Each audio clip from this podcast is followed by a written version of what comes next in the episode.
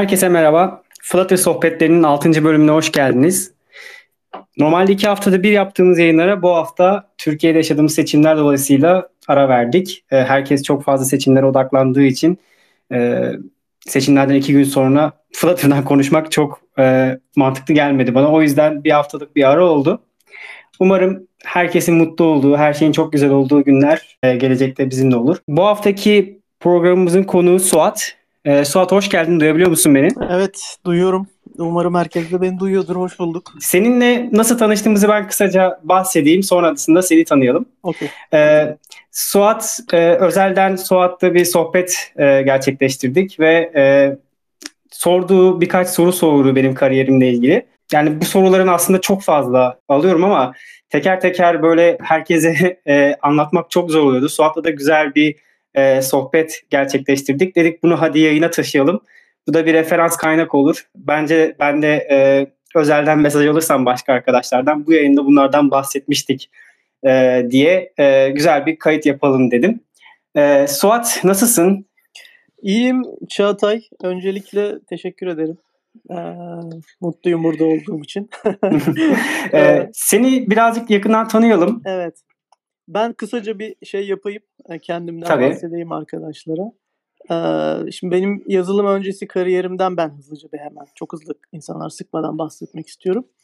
Ben endüstri mühendisiyim ve e, aynı zamanda otomotiv yüksek lisansı yaptım te, tesis. 15 yılım benim üretim tesislerinde geçti. Yani çoğunlukla da bunun otomotiv sanayisindeydi. İşte en büyüğü de 10, 10 sene boyunca ben Oyak Renault'da yani otomobil üretilen bir yerde mühendislik yaptım, proje yöneticiliği yaptım. Sonra yan sanayide üretim müdürlüğü yaptım, fabrika müdürlüğü yaptım falan böyle bir kariyerim vardı benim. Ya işte özellikle o 10 senenin e, bana kattığı çok şey oldu yani. Otomotiv benim hayatımın en büyük okuluydu. E, uluslararası bir firmaydı. Uluslararası ve çok uzun projelerde, araç projelerinde yer aldım. Farklı farklı milletlerden insanlarla çalıştım. İngilizce konuştuk, Fransızca konuştuk ve bana büyük bir mühendislik bakış açısı kattı. Evet. Yazılıma dünyasıyla ilgim ne peki benim? Benim aslında ilgim üniversitede yıllar önce C ve C++'la başladı ki kendileri bugün ki dillere göre zor dillerdi bence şimdi bakıyorum da çünkü pointer'dı işte memory allocation'ıydı falan gibi bir sürü değişik zor işlemler varmış. Şimdi daha kolay. Bir de yüksek lisans yaparken elektrikli araçların batarya ömrü işte menzili gibi menzil simülasyonu gibi böyle akademik modellemeleri işte makalelerdeki modellemeleri MATLAB ile kodladım. E, tabii bunlar hep akademik şeyler. Bugün bizim anladığımız anlamda frontend, backend gibi şeyler değil ama e, kod şeyim, kod geçmişim bu diyebilirim yani. E, şimdi sektöre nasıl girdin, Flutter'la nasıl tanıştın dersen aslında burada ben bugün kendime sordum ve burada iki soru var. Bir, niçin insanlar soruyor olabilir? İkincisi nasıl yani niçin böyle bir şey oldu ve nasıl bir yol oldu da sen buraya geldin? Niçin biraz karışık çünkü bugün bizi hayatta bulunduğumuz yani noktaya getiren tek bir sebep yoktur. Bir, bir süreçten geçmişizdir. Onlarca e, şey parametre bizi bulunduğumuz yere sürüklemiştir ama ne oldu? Ben pandemi öncesi mesela okumaya meraklı bir insanım. Homo Deus kitabını okumuştum. Gelecek nasıl olacak, şekillenecek, yapay zeka falan. O zaman çok etkilenmiştim bunu buradan ve oğluma benim 10 yaşında bir oğlum var. O zaman 6 yaşındaydı. ilkokula başlamamıştı. İşte ona ben kesinlikle yazılım öğretmeliyim. Bu çocuk kodlama öğrenmeli matematik bildiğinden Türkçe bildiği kadar en az diye e, düşünüyordum. Öyle bir plan yapmıştım. Yani onu geleceğe hazırlamak ben de kendimce belki geleceğe hazırlanabilir miyim diye. Yani proaktif olmayı ben seviyorum hayatta. Nasıl proaktif olurum? Peki nasıl oldu? Nasıla geçersek diye. İşte o dönem ben biraz kendimi öğreneyim diye herkesin yaptığı gibi Free Code Camp'i açtım. Oradan oradan JavaScript derslerine başladım. İşte algoritma konusunu öğrendim. Ön yüz teknolojilerine falan geçtim. Tam o sırada pandemi oldu. Ben o sırada İzmir'de yaşıyorum ve fabrika müdürlüğü yapıyorum. Ee, pandeminin başında da Amerika'da bir fuara gitmiştim. Kendimi zor attım. Döndüm. Döndükten sonra uçaklar falan iptal edildi. O şekilde yani. Ve döner dönmez devlet beni karantinaya soktu. 14 gün bir odada tek başımayım. İşte orada yapacak bir şey de olmadığı için ben tekrar interneti açtım. İşte frontend, JavaScript, React, Redux falan derken Redux'ı anlamadım. Bu Redux neymiş diye YouTube'dan bir video izledim. Ya bu adamın ne güzel videoları var. Başka ne videosu var deyince orada bir video gördüm. React Native vs Flutter. Flutter da neymiş dedim bu sefer. Ee, işte Flutter'la tanışmam öyle oldu. E işte biraz da şeyi bildiğim için e, ya ben bu işi yapacaksam nereden başlarım diye hani insan şey yapıyor. Backend'ciliği var, yapay zekası var, mobili var, ön yüzü var. Mobil bana çok mantıklı geldi. Ben çünkü sanayide çalışırken de e, yani çalışanlarımıza tablet vermek, telefon vermek, postaları da tablet koymak, işlerini oradan takip etmek gibi birçok şeyi biliyordum. Aynı zamanda elektrikli arabaların işte otonom arabaların gelişeceğini ve cep telefonumuzdan işte onlara komut vereceğimizi, yapacağımızı, edeceğimizi derken mobil bana mantıklı geldi. Google'ın da Flutter desteğini görünce dedim ki ben bunu öğreneyim yani ne kaybederim ki? Zaten evdeyiz. Dışarı çıkamıyoruz. Kısa çalışma yapıyorum. Haftanın 5 günü evdeyim. Şirkete gitmiyoruz zaten. Hafta sonu da evdeyiz. Hatırlıyorsunuz o dönemi. Öyle bir sürece girdim ben. Oğlumla Scratch çalışıyoruz. Ben Dart ve Flutter bakıyorum. Dart JavaScript'ten dolayı bana çok tanıdık geldi. İşte bazı eksikliklerim olduğunu fark ettim. Harvard Üniversitesi'nin CS50 diye bir şeyi var, serisi biliyorsunuzdur. Onu çalıştım biraz. Sonra işte YouTube'da bir kanal açtım. Ee, oraya videolar koymaya başladım. İşte benim yaşımdaki insanlar veya gençler veya İngilizcesi olmayanlar. Flutter'da o dönem Türkçe kaynak çok azdı. Ee, bildiklerimi oradan paylaşmaya şey yaptım. Yani şöyle diyebiliriz aslında Çağatay. Parantez açıp yani pandemi ve Flutter ikisi benim hayatımı değiştirdi o dönem. Ee,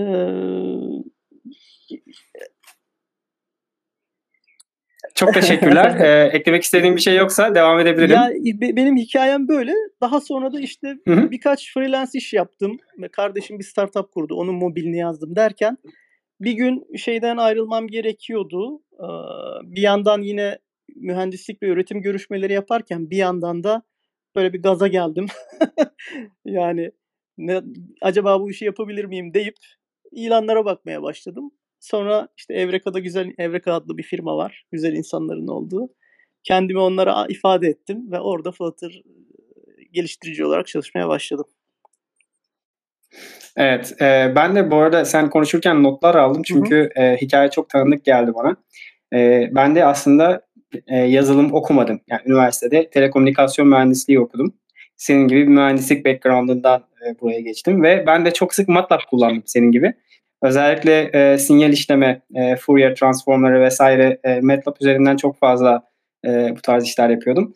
MATLAB'da UI bile geliştirdim. Normalde MATLAB biliyorsun e, scientific şeyler, hesaplamalar, graflar vesaire evet. için ama e, işte sinyal işleme ile e, bir Winamp tarzı bir şey bile oluşturmuştum böyle seslerin e, farklı filtrelerden geçirilmesi vesaire derken oradan zaten bir yazılım vardı ama ben üniversitenin ikinci sınıfında da zaten C e, yani lisansın ikinci sınıfında daha C almadan yani derslerde üniversitede C dersini almadan ben kendi çapımda C öğrenmeye başlamıştım. Çünkü yani e, çok önemli bir silah olacağını biliyordum yani. E, çok önemli bir yanıma alacağım bir şey olacağını biliyordum kariyerimde. E, zaten onu öğrenince dersi de geçmek çok kolay oldu. E, sonrasında ben telekomünikasyon mühendisliğinden e, yüksek lisans için Finlandiya'ya geldiğimde e, senin gibi e, mobilden daha çok zevk aldığımı anladım. Ya daha doğrusu mobilden öte son kullanıcıya yakın olmaktan daha çok keyif aldığımı anladım. O yüzden e, mobile geçtim network tarafından. E, sonrasından senin gibi yine aynı şekilde benzerliklerden bahsediyorum. E, üniversitede research asistan olurken işte e, çok iddialı olmayan bir startup beni e, yanına almıştı ve ben de e, boş zamanlarında sürekli videolar izliyordum. E, öğren o zamanlar şeyden izliyordum. Linda şu an LinkedIn satın aldı onu. E, orada e, videoları izliyordum. Öylece işte e, nasıl daha iyi object oriented yapı, refaktör nedir? İşte bu tarz böyle temel software eksik olduğum kavramları öğrenmeye çalışıyordum. Bir yandan da yüksek lisansta da e, yazılıma yakın dersler alıyordum. Sonrasında e, işte bir şirkete girdikten sonra küçük 2-3 startupta çalıştıktan sonra biraz daha büyük şirkete girdim. Sonra daha büyük şirkete girdim. Sonra daha daha büyük şirketlere girdim. Bugünlere kadar geldim. O yüzden e, benzerlikler var. Bir süre başka bir benzerlik de pandemi sürecinde herkes gibi ben de evde e, yani bir şeyler yapmaya çalıştım. E, özellikle pandemi sürecinden sonra komüniteye daha e, yakın daha fazla şeyler yapmaya başladım. Yani bildiklerimi paylaşmaya başladım. E, bu benim hem kendime özgüvenimi arttırdı hem de e, çok güzel insanlar tanıdım komünitenin içerisine girdikçe. E, şu anda da işte büyük bir şirkette çalışıyorum. Yanında da kendi küçük startup'ım var. E, bir şeyler yapmaya çalışıyoruz. Bu arada benim startup'ı kurduğum iki arkadaşım da senin gibi endüstri mühendisi çıkıştı. E, biri e, bizim CEO, e, Finlandiya'da entrepreneurship okudu. Diğeri de e, endüstri mühendisi, işletme mühendisliğinden şeye geçti, e, data science'a geçti. Beraber bir şeyler yapmaya çalışıyoruz. Zaten böyle ben insight'lerimizi. Ya evet. zaten inanılmaz. Ben senin okudu yani Medium'dan falan ben seni takip ettim ya. Sen bana göre çok popüler bir insansın. evet. Ee, şey oluyor yani. Yani o mühendislik kafasının arka planda olduğunu çok rahat anlıyorum. Yani yazdığın makalelerin yazış tarzından konuşma tarzından, podcast yayınlarından bile e, çok şey geliyor. Ben olsam ben de böyle anlatırdım herhalde gibi hissediyorum onu. Evet. ben artık makale yazmaya ara verdim ama e, şimdi şöyle aslında ara verdim. E, çünkü zaten boş zamanlarında şu an kendi startup'ımla uğraştığım için hani çok fazla community işi yapamıyorum ama iş saatleri içerisinde community işi yapmak üzere şu anki şirketimle anlaştım. Ve burada e, bu hafta içerisinde bir open source library yayınlamayı planlıyoruz en geç gelecek hafta. E, birkaç bürokratik işlem var. Onun dışında yine bir blog post yayınlayacağız bu maka şeyi anlatan kütüphaneyi yazan ama bu sefer blog postun %90'ını ChatGPT'ye yazdım. Yani ChatGPT'ye input verip e, çıktısını alıp bunu e, daha güzel nasıl anlatırım diye çok ufak tefek değişiklikler yapıp e, yine bir e, makale serisi oldu. Ama artık e, yani sıfır mesela en son yazdığım makale serisinde e, Flutter nasıl çalıştığını 3 mak 3 seride anlatmıştım 3 makalede. Ee, burada mesela çok uğraşmıştım gerçekten. Hani bu benim Flutter anlamam için çok işe yaramıştı ama yani bugünkü o zaman ChatGPT yoktu ama şu an var ve gerçekten inanılmaz katkı sağlıyor. Ee, artık ChatGPT varken böyle makaleye çok ciddi e, zamanlar ayırmaya bence çok gerek yok. Neyse konumuzdan çok da e, dağılmayalım. bugün bugün ben soracağım sen yanıtlayacaksın gibi sanki. evet ya bugün ben iyi bir zaman e, ayarladım buraya. Bir saati geçeceğinden eminim. Ve sonrasında podcast olarak kalacak olması da çok güzel. Ee, güzel bir hatıra bırakalım beraber. Çünkü seninle sohbet ederken ben de çok keyif aldım. Hani özelden konuştuğumuzda. Eminim çok güzel bir şey çıkacak yayından. Ee, evet yani proaktif olmak çok önemli. Ben yani oradaki amacım da oydu zaten. Hani sana sorup. Ee, o zaman nasıl yapalım? Şöyle yapalım. Ee, konu başlıklarımızdan şey yaparsak Şuradan kopya çekeceğim hemen. Evet. Ee, ben o zaman bir şeyden bahsedeyim şu. Diğer, diğer sektörle bu sektör arasında bir kıyaslama e, yaptım ben yani. Onu dinleyen herkes duysun isterim ben. Şimdi ben otomotivden geldiğim için o otomotiv sektörü gerçekten çok eski, çok daha olgun standartların oturduğu ve hani devletin kanunlarından, kurallarından e, yan sanayisine kadar bir zincir olarak e, birlikte hareket eden best practice'lerin hani oturduğu bir sektör. Ben şimdi oradan IT'ye geldiğim zaman fark ettiğim şeylerden biri şu oldu mesela. Henüz tam taşlar yerine oturmamış gibi hisset, hissettim Çağatay. Ee, yani kaynaklar tamamen doğru kullanılıyor mu? İşte standartlar oluşmuş mu? İşte hani best practice dersem arkadaşlar beni daha iyi anlar. İşte Flutter dünyasında bile şey sürekli tartışıyoruz ya hangi state management, hangisi böyle mi olmalı, architecture nasıl olmalı falan gibi ya standartların bütün şey olarak yerine oturmamış olduğunu görüyorum. Yani denetleme mekanizmalarının şirketler arası ve şirket içinde zayıf olduğunu görüyorum. İşte proses hakimiyeti mesela çok önemlidir. Sürdürülebilirlik en önemli şeydir bence bir ürünü ortaya koyduktan sonra. Hani sen de Mert diyerek mi özetlemiştin hani bakım yapılabilmesi falan diye evet, değil mi? Evet. Senin bir kısaltman vardı. Evet. Neydi o hatırlayalım. Evet. Ama. Maintainable, extendable, evet. readable, testable. Evet. Mert. Evet kesinlikle yani bunların hepsi gelecek daha sonraki ürünü yapmak değil de sonrası yaşatmakla devam etmesiyle ilgili bir şey.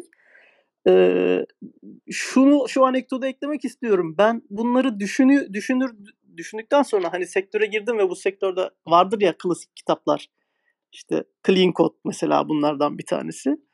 Ee, Uncle Bob'un. Onun evet. ön sözünü, ben kitapların ön sözünü okumayı severim. Onun ön sözünü okumadıysanız açıp baktığınız zaman e, beni şaşırtan bir şeye rastlamıştım ben. Orada Robert Martin şeyden bahsediyor. Japon otomotiv endüstrisi ve onların işte 1950'lerdeki üretim yöntemleri malın üretilmesi değil, üretildikten sonra bakımının yapılabilmesi, işte hayatının devam edebilmesi gibi şeylere örnek vererek bunu nasıl işte IT sektöründe biz uygulamalıyız diye e, üstüne koyarak hani böyle şey yapıyor. Clean koda geçiyor. Onu anlatmaya başlıyor. Yani bu adam ne anlatıyor der diyen olursa arkadaşlardan oraya bakmalarını Hı-hı. tavsiye ederim. Benim gördüklerim bunlar sektörde ama çok dinamik, çok eğlenceli. Ee, hoşuma gidiyor. Özellikle Flutter komünitesi çok hoş. Dokümanları inanılmaz. Ben doküman okumayı çok seven bir insanım. Akademik öğrenmeyi çok seviyorum. Ee, yani şeyim bu şekilde devam ediyor benim öğrenmem. Anladım. Şimdi Uncle, Bo- Uncle Bob'tan konuşmaya gelecek. Uncle Bob gerçekten e, şey açısından, e, solid kavramlar açısından hani e, işte iyi bir kod nasıl yazılır, e, sür, yani scalable olması, işte maintainable olması bu tarz şeyler açısından çok güzel tipler veriyor. E, ama Uncle Bob'u e, Twitter'dan takip ediyorum ben. Birazcık böyle değişik bir adam. Yani e, evet güzel yazılım kitapları vesaire var ama böyle çok da e, ben e, böyle idolleştirilmesini e, böyle ne bileyim insanları idolleştirmeyi ben çok sevmiyorum. Hani sen yapıyorsun diye söylüyorum yanlış anlama. Böyle bir Uncle Bob böyle çok gerçekten çok hayran duyabileceğim bir insan değil. Ben onu böyle e, yazdıklarından özellikle politik olarak yazdıklarından düşününce bazen birazcık böyle bir e, ne bileyim e, yani o eski ya çok kendini geliştirememiş gibi geliştiremiyor. Hani yanlış anlamayın tabii ki adam dolu dolu bir adam. Agile Manifesto'yu yazan bir adam. Ama hani böyle yani artık yani dinamik çok dinamik bir yazılım dünyasında yaşıyoruz ve çok fazla şey değişiyor ve hani 80 yani pardon kaç yılında yazdı onu? 90'larda mı yazdı? Çok emin değilim. E, bilmiyorum o Agile Manifesto yazarken de o şey clean kodu ne zaman yazdı? Hemen bir bakacağım. Ama artık dünya çok değişiyor yani. Gerçekten e, çok acayip bir çağdayız. E, 2008'de yazmış clean kodu e, ama e, benim demek istediğim şey e, 2006 2008 yılıydı galiba Android'in ilk versiyonu çıktığında ben o zaman üniversitede öğrenciydim. E, hemen bir bakayım Android e, bir ne zaman çıkmış. E, hemen bakıyorum. Neyse çok önemli değil. Ama e, o zamanlar e, bir evet 2008'de ilk Android çıkmış. Yine aynı şekilde Uncle aynı tarihe denk geldi. E, o zamanlar e, tabii biz ne olduğunu bilmiyoruz. E, ama dünya acayip bir application çağına geçiyor. Yani 2008, 2009, 2010 böyle bu ilk yapan şeyler gerçekten e, götürüyor parayı. Herkes bir uygulama derdinde, uygulama yapıyor. E, böyle bir şey var. E, Gold Rush vardı ya zamanında e, altına evet, hücum. Evet, evet. Burada da işte 2018-2010 yılları arasında 2011 hani cep telefonları kullanış, kullanımı arttıkça e, mobil uygulamaya hücum e, gibi herkes mobil uygulama çıkarıyordu. Şimdi öyle bir çağdayız ki gerçekten AI e, o aynı aynı şeyi veriyor yani aynı bir yani nasıl iPhone'un çıkması o kadar büyük bir olaysa bu AI'ın da ortaya çıkması çok çok büyük bir olay ve e, yani şu an herkes bir tarafından tutup e, bir şeyler e, yapma da üretme derdinde biz de e, yani kurduğum startupta bir şeyler yapmaya çalışıyoruz. Özellikle sürekli araştırıyoruz. E, GD olmanın avantajıyla işte Google'ın neler yaptığına dair bir şeyler de hani öğreniyoruz. Sonrasında ChatGPT kullanıyorum ben mesela e, ChatGPT ile e, benim şey e, premium üyeliğim var. Makaleleri beraber yazıyorum. Onun dışında şirket içerisinde e, bir lead bir rolüm olduğu için de sürekli RFC'ler yazarken işte bir şeyi nasıl yapalım mı anlatırken en iyi şekilde nasıl anlatırım mı bile ChatGPT ile yapıyorum. Onu da geçtim. Twitter'dan bazen böyle insanlarla şey üzerine e, konuştuğumuzda bir tartışma yaptığımızda yani discussion yaptığımızda ben gerçekten e, böyle daha iyi bunu tweet hatta şey diyorum bana bunun tweetini yazar mısın? Onu da geçtim. Ee, hani şu an 6 bölüm oldu. 6 bölümün e, 4 bölümünün LinkedIn postunu ve Twitter postunu ChatGPT'ye yazdım. Yani burada vermek istediğim şey şu. Hayat çok dinamik. Yazılım dünyası çok dinamik. Ve ben e, Finlandiya'da olduğum için kendimi çok şanslı hissediyorum. Çünkü e, etrafımda hep böyle gerçekten uçta yaşayan insanlar var. Teknolojinin ucunda yaşayan insanlar var. E, sürekli böyle herkes birbirinden bir şey öğrenme derdinde ve e, şirketler e, yani para kazanma derdinde. Yani para kazanmaktan öte aslında e, bir yer edinme derdinde. E, kendi e, şirketlerini kurma, e, kendi e, businesslarını kurma derdinde. Bunu da işte e, nasıl yapar yaparız? Yani bu aslında çok büyük bir soru. Yani benim kişisel olarak e, aslında Finlandiya'da en çok öğrendiğim şey bu süreçlere çok hakim olmak. Çünkü e, Finlandiya'nın ya, ya yanlış hatırlıyorum, yanlış vermek istiyorum bilgi ama e, yanlış hatırlamıyorsam eğer %20'si ekonominin %20'si 90'lı yıllarda Nokia üzerine e, bağlıydı. Ve Nokia'nın kollaps olduğu zamanda ki ben 2010 yılında Finlandiya'ya Nokia için gelmiştim. E, yani Nokia dağıldığında e, çok fazla startup kuruldu. Çok fazla şirket battı. E, bazıları büyüdü. Şu an çalıştığım şirket yine Finlandiya'daki Nokia sonrası e, kurulan startuplardan yine e, hani yani o startup e, boom'unun olduğu zamandan bugüne kadar geldi. E, daha önceki çalıştığım şirkette müdürlerim hep Nokia çıkışlıydı. Yani burada belirli bir 40 yaşının üzerindeki mühendislerin Finlandiya'da çoğu Nokia tabanlıdır. E, yani burada işte şunu şuna bağlayacağım. E, gerçek hani prosesler diyorsun. Mesela e, sizin otomotiv sektöründe pro- prosesler çok çok önemlidir. Yani başka şekilde e, mesela sağlık e, sektöründe de prosesler çok önemlidir. Çünkü e, o medikal şeylerde geçmek için, testlerden geçmek için işte documentation'ın çok iyi olması lazım. Quality'nin çok iyi olması lazım. Bunları çok iyi ispat etmen lazım. E, sonrasında mesela bir kütüphane ekleyeceksin diyelim projeye. O kütüphanenin open source olduğunda mesela e, yani nasıl riskleri var? Risk analizi, e, Proseslerde bunlar çok önemli. Sizin otomotivlerde de mesela şu an e, şey e, mesela BMW örneğini çok verirler. Toyota örneğini çok verirler. Bunları hep Flutter kullanıyorlar e, uygulama içerisinde. E, BMW'nin uygulaması direkt Flutter. Hatta bununla ilgili bir podcast olduğunu önceki yayınlarda söylemiştim. Gerçekten çok e, aydınlatıcı bir podcast'tı. 200 yazılımcı BMW'de bütün BMW'nin sub modellerinde dahil e, yazılımını yapıyor işte e, şeyle. Hatta bugün yani e, yazılım gerçekten o proseslerde her yerde. E, buradan neye bağlayacaktım? E, o şey, senin o proseslere bağlayacaktım. Dışarıdan bakınca sana öyle gelmeyebilir. E, şirketlerde böyle standartların olmadığı anlay şey gelebilir, gelebilir ama e, yani gerçekten pros yani yazılımın ya da bir şeyin içerisinde bulmanın çok çok küçük bir kısmı kod yazmak. Ya ben hatta e, CTO şey CEO olan arkadaşıma beraber hani bir maceraya girdiğim arkadaşıma diyorum ki ya bana ihtiyacın yok. Figma'daki prototipleri kullanarak ürünü sat, paraya getir bana ben sana o kodu zaten bir ayda iki ayda yazarım. Önemli olan e, doğru proseslerle uygulamayı, application'ı e, oluşturup bunu nasıl e, markete e, götüreceksin? Müşteri ne istiyor? Hangi özellikleri geliştireceksin? Bunu nasıl dizayn yapacaksın? Kendi brandini nasıl oluşturacaksın? En en önemlisi de ürününü nasıl satacaksın? Yani e, e, prosesler illaki var. Yani prosesler application development e, içerisinde mutlaka oluyor ama yani sen dünyanın en iyi prosesine sahip ol. O uygulamayı satamadıktan sonra, o uygulamayı kimse kullanmadıktan sonra onun hiçbir anlamı yok. Tekrar şuna bağlayacağım. Her ne kadar prosesler gözükmese bile e, başarılı şirketlerin çoğunda prosesler var. E, yani ben e, isim vermediğim bir şirkete çalış, çalıştım. Büyük bir şirkette de çalışmıştım. Yani çalışmıştım derken e, tam olarak çalışmak sayılmaz.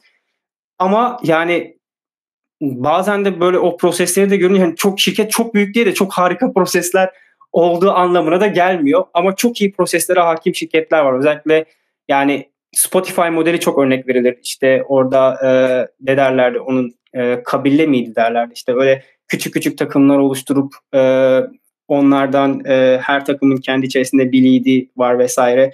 E, yani feature takımları mı oluşturacaksın yoksa e, platform takımları mı? Bunların arasındaki farklar neler? Mesela e, şu an benim bulunduğum takım içerisi bir feature takımı. Burada ne demek oluyor bu? E, tek başına Android developerlarının ya da Flutter developer'ın olduğu bir takım değil de e, bu takımın içerisinde bir Android developer, bir iOS developer, bir designer, iki backend developer, bir product lead, bir engineering lead var mesela. Hani bu e, feature takımı oluyor. Yani bir projekte alıyorsun yapıyorsun ama daha önceki çalıştığım şirkette takımlar hep böyle Android takımı ayrı bir dünya, iOS takımı ayrı bir dünya, e, backend takımı ayrı bir dünya. Bunlar da e, şey platform takımları. E, yani farklı prosesler var. E, standart mı desem e, standart yani her şeyin de marketin de yani sizin mesela araba sektörü prosesleri çünkü araba abi o yani e, ne olacağı belli aşağı yukarı prosesler falan ama her sektör farklı her sektörün içerisinde bulunduğu market farklı e, mesela delivery sektöründeyim ben şu an e, yani şu an çalıştığım şirkette Ya o delivery sektörünün dinamikleri o kadar farklı ki şeye tahammülü yok. Ee, bir bak çıksa tahammülü yok yani. Çünkü adam hemen e, onun switching costu çok düşük. Yani mesela sen BMW araban var diyelim. Arabada bir bak çıktı bu uygulamada. Hadi ben bu arabayı satıyorum Mercedes alayım demezsin. Ama bir order vereceksin diyelim. O orderda uygulamada hemen bug varsa hemen diğerine geçersin. Hani çok fazla e, böyle faktörler var ve bu faktörler prosesleri çok belirliyor. Böyle yine uzun konuştum. Böyle bir giriş yapmış oldum. Evet. Ee, peki o zaman devam edeyim. ee, şimdi sen evet. yurt dışında çalışıyorsun ee, ve uluslararası bir firmada çalışıyorsun. Birçok milletten insanın çalıştığı. Farklı ülkelerde de ofisleriniz var bildiğim kadarıyla. Evet. Ee, ya sorum şu.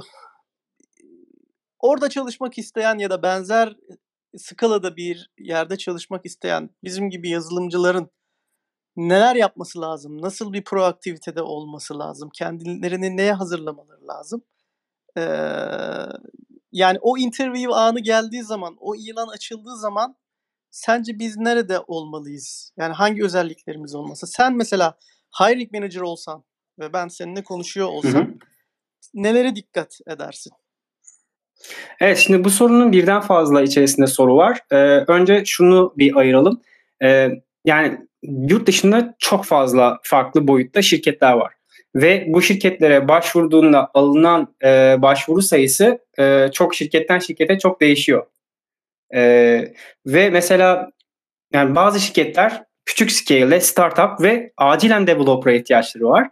E, bazı şirketlerde e, yeterince kaynağı var çok acil developer ihtiyacı yok. İyi developerları var kendi içerisinde ve bar raiser dediğimiz yani e, çıtayı daha yükseğe çıkaracak developerlar arıyor. Anlatabildim mi? Hani bunların hepsine aynı şekilde yaklaşmak e, yanlış olur bir. İkincisi beklentileri de ona göre tutmak da e, yanlış olabilir. Mesela e, bir şey mesela red gelmişse eğer ve sonucunda ya da hiç davet edilmemişsen bile hani burada tamamen böyle kendini çok kötü hissetmek yerine o fit olması e, çok önemli. Çünkü mesela şey de oluyor. Mesela şey diyor e, biz relocation support'u yapıyoruz. Mesela Türkiye'den seni Almanya'ya getireceğiz. Türkiye'den şuraya getireceğiz, buraya getireceğiz diyecek. Veya diyecek ki remote çalışabilirsin diyecek. Şimdi burada bir cost var. E, Türkiye'den getirmenin maddi bir kostundan öte e, duygusal bir kostu da var. Şöyle ki e, sen e, tasını tası, toprağı e, ne derler işte her şeyini almış, yurt dışına yerleşmiş bir insana 6 aylık bir deneme sürecini alıyorsun. Ve bu insanı işten çıkardığın zaman o insana sokacağın durumu çok zor bir karar. Yani bunun e, üzerine vereceği karar çok önemli. O yüzden her ne kadar relocation support dediği olsa bile o relocation'ın support'u çok exceptional case'lerde e, yararlı oluyor diye düşünüyorum. Ben e, her ne kadar şu an ben kendi deneyimden bahsetsem bile bu şu an gerçekten hani bu podcast'ta şunu söylemek istiyorum. Şu an çalıştığım şirkette bunu bağdaştırmak istemiyorum. Bu genel olarak e, böyle. E, mesela e, küçük şirketlerde e, ne yaptığını e, mesela Ümit'le konuşmuştuk. Ümit Dur, Duran 3. E, bölümde konuşmuştuk onunla. E, Ümit mesela çok güzel örnek vermişti. Niye onu Almanya'da, Türkiye'den Almanya'ya getirdiklerini daha çok güzel anlatmıştı. Mesela e, 65 100, pardon 165 makale yazmıştı Flutter. Her iki haftada bir e, Flutter ile ilgili bir bilgi veriyordu mesela. E, pardon Flutter ile ilgili o ha, iki hafta boyunca yazılanan makalelerin listesini çıkarıyordu mesela. E, bir e, newsletter yapmıştı ve onu 165 bölüm yaptırmış. Mesela bu neye bir işaret? Demek ki bu e, sürdürülebilir, e, consistent bir şey yapabiliyor. Ya da e, başka illaki Ümit'in e, kendi kompetensini ispatlayacağı bir şeyler illaki olmuştur. E, burada gerçekten şey e, iki farklı boyutta düşünürsek eğer e, şirketlerin beklentileri ne göre e, işte büyük şirketlerde yeterince e, kaynağı var e, ve developer arıyor. Burada e, çok böyle e, nasıl desem iyi deneyim önemli oluyor burada. Zaten böyle şirketler e, hani junior giriş seviyesinde birini aldığı zaman e, zaten buna ulaşması çok rahat oluyor. Anlatabildim mi? Yani dünyanın her yerinde zaten junior var ama iyi developer, çok çok iyi developer ne olduğunu tabii ki sonraki ileride konuşuruz. Ne demek iyi developer? E, ihtiyaçlarını karşılayan developer'ı bulmak aylar sürebiliyor. E, bunun için zaten e, genelde şey yapılır. E, external headhunter'larla anlaşılır. Bütün süreci onlar e, yönetir. Neyse konumuz çok dağılmasın. Buraya kadar sorun var mı? Sonra hiring manager'a geçeceğim. Okey devam edebiliriz. Bence gayet Tabii. güzel gidiyoruz. Hı hı. Şimdi Hi- e, hiring hı. manager'sın ve ilanı açıldı. Ya, teknik e, gereksinimleri sağlayan insanlar var. Masadasın. Evet, ne şimdi burada birkaç şey de e, aydınlatalım. Çünkü hiring manager dediğimiz şey ne? Çünkü e, bazen ben mesela şirketin ya da başka birilerinin ilanını paylaşıyorum. E, mesela hala bana özelden mesaj geliyor. E, sen şey iş hala e, arıyor musun? Çünkü bu benim yaptığım bir iş değil. Bu çok büyük bir proses. E, içerisinde çok fazla insanın bulunduğu bu proses. Ben de bu, bu prosesin bir parçasıyım. Yani direkt benim aldığım ya da hiring manager dediğimiz şey genelde bir kişi değil. Bu birçok insanın bir araya gelip ortaya e, şirket için en iyisinin ne olacağına karar verdiği bir süreç. Ve e, bunun farklı aşamaları var. Genelde tabii ki bundan bir kişi e, en sondan sorumlu oluyor. Onun işte engineering lead, işte o bölümün engineering lead'i en son karar veriyor. Herkesten input'u toplayarak. E, burada da e, farklı aşamalar var. Yani her şirketin farklı yöntem yöntemi var. Google, Facebook gibi büyük şirketlerde 10 tane interview falan oluyor yani. Onun, on sadece o interview'e e, çalışım, çalışmak için kurslar var mesela. Biliyorsun sen de zaten. Benim hiç yapamayacağım şey. Ben mesela o interview'le geçebileceğimi sanmıyorum. Çok gerçekten özel çaba göstermem lazım ki zaten background'ımda e, bilgisayar mühendisliği değil. E, onun için özel bir süreçten geçmem gerekiyor. İstiyor muyum? İstemiyorum. e, dediğim gibi her şirketin farklı e, yöntemi var. Benim çok sık karşılaştığım yöntemden bahsedeyim. E, genelde dediğim gibi eğer şirketin yeterli resource'u varsa bunu outsource ediyorlar. E, ve bu outsource edenler de tabii ki farklı e, maliyetlerde oluyor. Yani mesela küçük girişimciler mesela yapıyor bunu. Ben diyor e, gerçekten çok küçük girişimciler diye şöyle söyleyeyim. Bir keresinde mesela adam işte e, sürekli LinkedIn'den arıyor birini ve önce seni buluyor. Diyor tamam sen iyi bir profilsin. Seni ben bulacağım birine. Bana bana diyor yetki veriyor musun? Veriyor ve senin CV'ni şirketlere atıyor ismini vermeyerek. Çünkü ismini verse direkt o şirket o aracı yaradan çıkarıp onunla iletişime geçecek. Böyle bir CV var. İstersen seni tanıştırayım diye bunu e, veriyor. Bu Almanya'da çok yaygın mesela. Ya bunu bilmiyordum mesela ben ilk kez duyuyorum. Evet yani özel headhunter'lar var. Böyle entrepreneur gibi düşün. Ee, belki şirketleri bile yoktur yani. Bunlar seni LinkedIn'den yakalıyor ya da sen de ulaşabilirsin bu insanlara. Benim CV'm var. Ee, çünkü bu adamlar senin üzerinden para kazanıyor. Yani senden para almıyor. Ee, şirkette birini soktuğu zaman e, eğer 6 ayı geçerse eğer o adam e, yaklaşık yani ortalama 4000 euro, e, 2000 euro, 4000 euro, 5000 euro neyse artık bir maaş kadar para alıyor yani. E, o yüzden o adam aslında seni hazırlıyor. Yani sen o adama yaranmaya çalışıyorsun gibi gözükebilir ama o adamın sana senin ondan ihtiyacın ona daha çok ihtiyacı var. Anlatabildim mi? Ee, mesela şu an yani mesela bana, bana da bazen CV'ler geliyor. Çünkü hani dediğim gibi küçük bir startup'ım olduğu için herkes sanıyor ki ben e, para kazanıyorum, birini işe alabilirim vesaire. O yüzden geliyor böyle e-mailler hani cold call gibi düşün. Ee, orada mesela CV geliyor. Ee, işte böyle böyle bir insan var. Sana yardımcı olur mu gibi. Ee, bir, bir yöntem bu. Diğer bir yöntem de şirketler direkt e, böyle tanınır. E, çünkü parası olan şirketler tanınır. Kendini ispatlamış headhunter'larla anlaşıyor.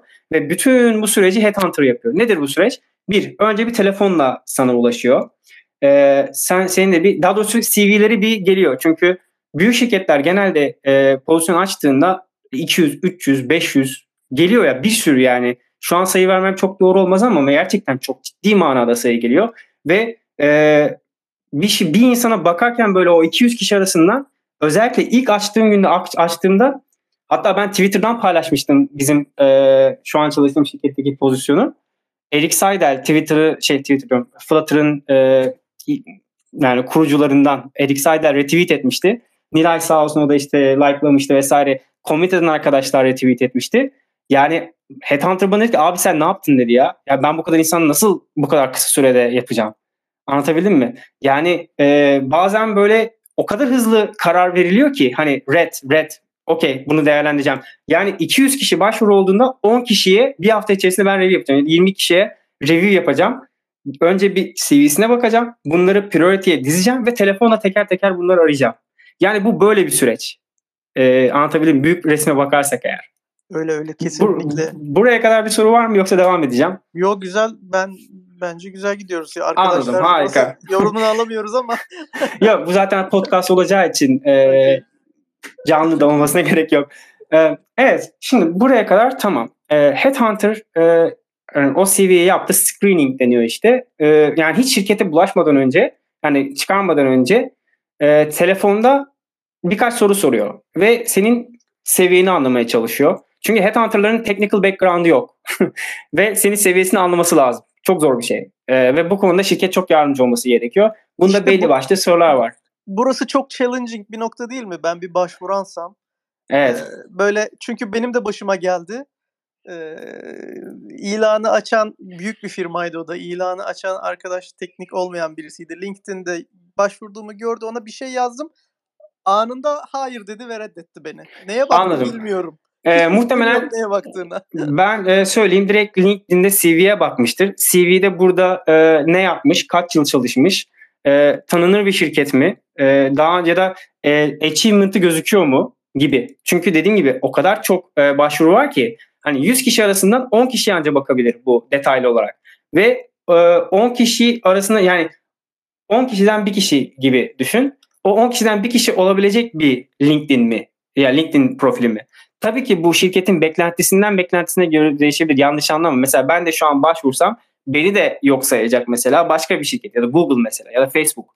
Yani ne bileyim yapabilir yani. Ee, şimdi burada e, her şirketin beklentisi farklı. Mesela bazen overqualified oluyorsun ya da e, şirket diyor ki e, benim yani çok iyi bir Android developer olabilirsin, çok iyi bir iOS developer olabilirsin, iyi bir yazılımcı olabilirsin ama benim senin Flutter'ı öğrenecek kadar e, verecek zamanım yok iyi bir Android geçmişinin yanında iyi bir Flutter, Flutter e, bilgine güveniyorsan gel gibi interview'e gir burası er meydanı gibi düşünebilirsin yani.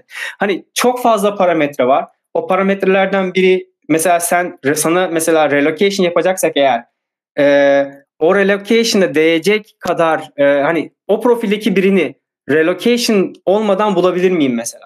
Anlatabildim evet, mi? Ben tam onu soracaktım. Bu durumda evet. eşit şartlardaki iki adaydan e, evet. aynı ülkede yaşayan ya da Avrupa Birliği sınırlarında yaşayan bir adım önde oluyor. Yani şöyle bunu aslında ayrımcılık gibi düşünebilir insanlar ama burada gerçekten bir vebal var. şöyle çünkü e, yani maddi boyutunu da geçtiğim için ekstra maddi boyutunu geçtim. İkincisi sen o ülkenin kültürüne alışabilecek misin? O bir soru işareti anlatabiliyor O iklimi alıp Finlandiya mesela çok soğuk bir ülke yani. Sen o soğuk iklime alışabilecek misin?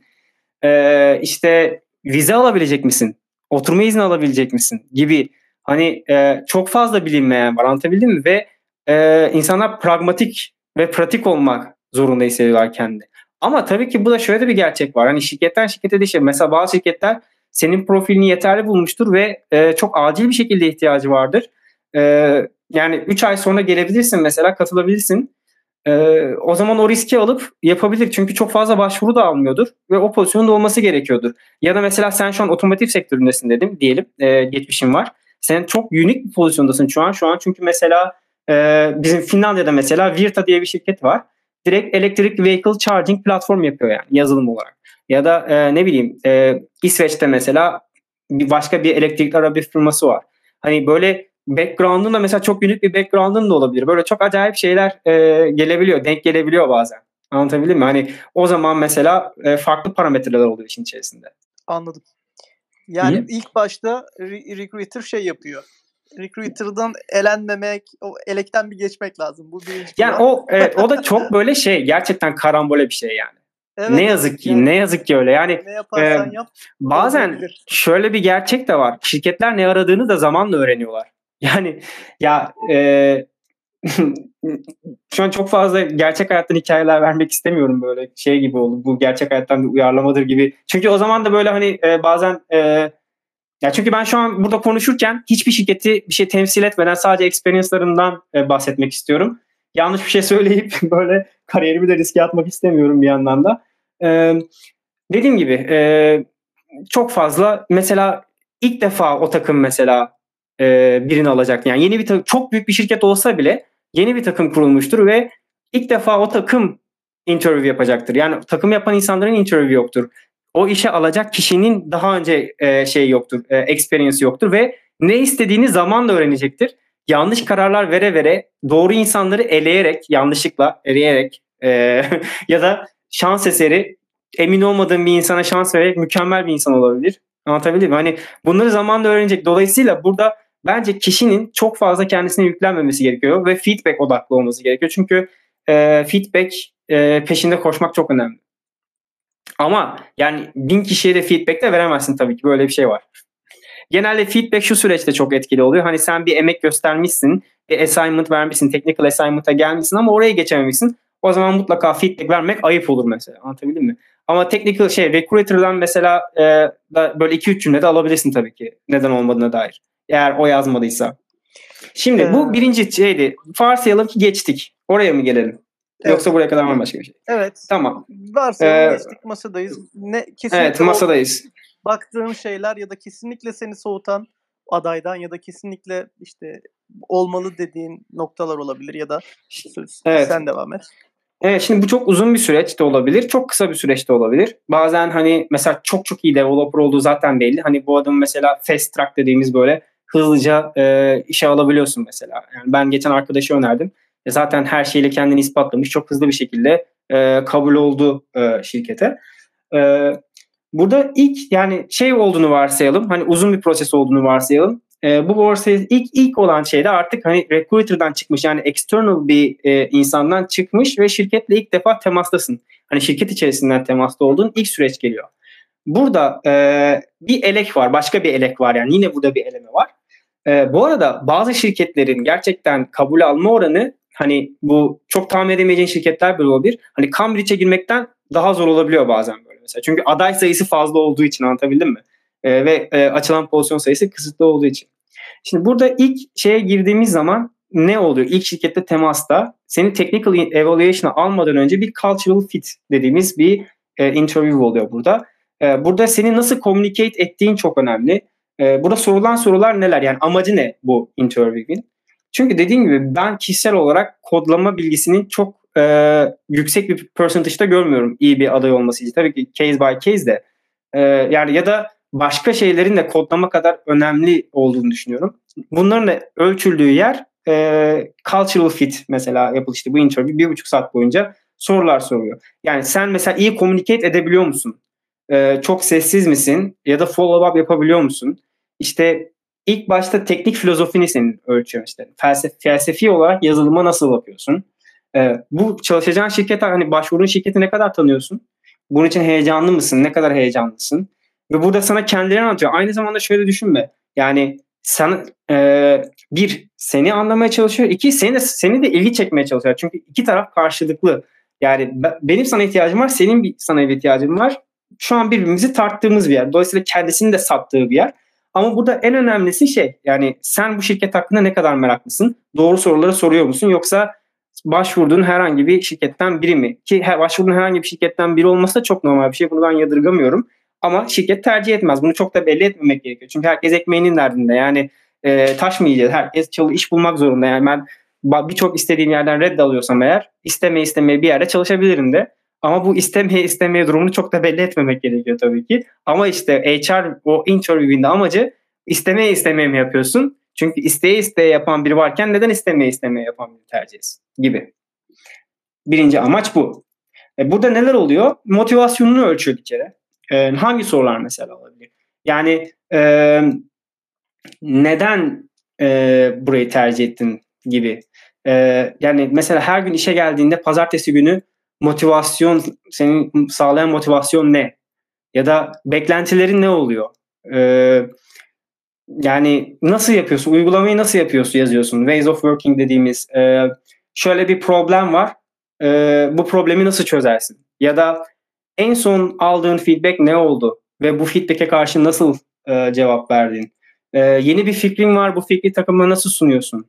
Ya da e, şimdi mesela herkes şirket Getix kullanıyor ya da ne bileyim e, Riverpod kullanıyor. Sen diyorsun ki blok çok iyi, bunu nasıl sunuyorsun takıma?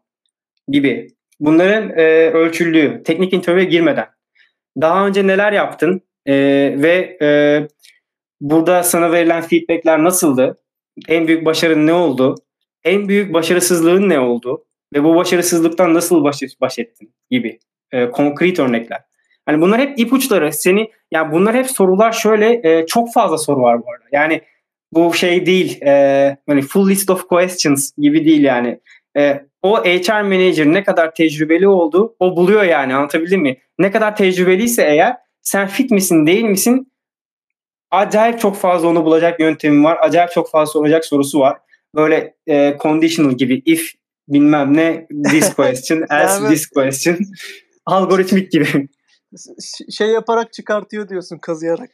ya anlıyorsun çünkü e, mesela şey de oluyor. E, mesela ben de technical interview arasında işte e, giriyorum. Burada mesela hani clean architecture çok fazla karşılaşıyorum mesela assignment'larda ki çok normal. İnsanlar işte e, yani clean hepimiz clean code yazmak istiyoruz ama ya bazen mesela e, hani bir kurstan takip ettiği bazen çok belli oluyor çünkü birkaç yerde e, felsefesini kaçırdığını anlayabiliyorsun mesela.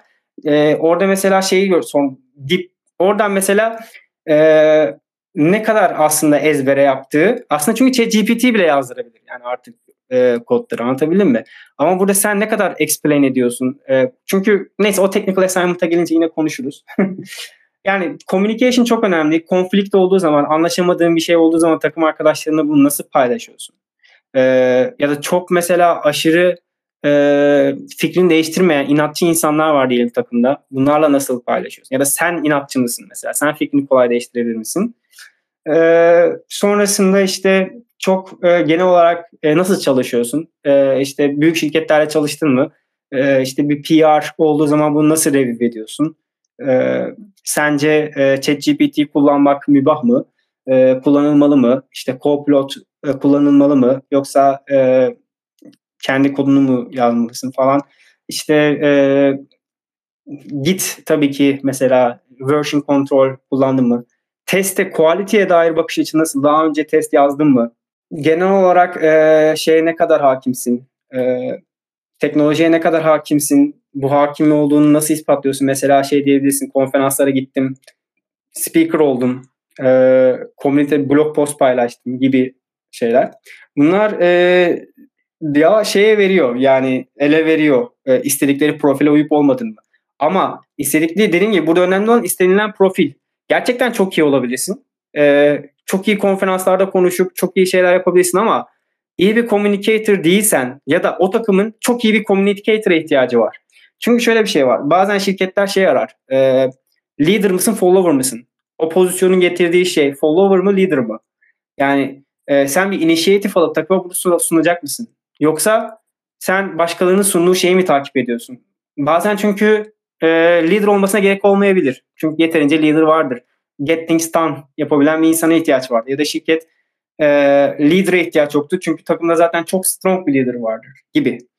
E, e, burada demek istediğim şey e, tekrardan e, söylemek gerekirse e, hani bir buradan bir negatif bir şey çıkarsa eğer bu senin eksik olduğun için değil belki overqualified olman belki mesela şey olabiliyor yani şu an takımda çok strong bir karakter var bu da çok strong bir karakter bunlar birbirleri nasıl çalışacak gibi soru işaretleri olur.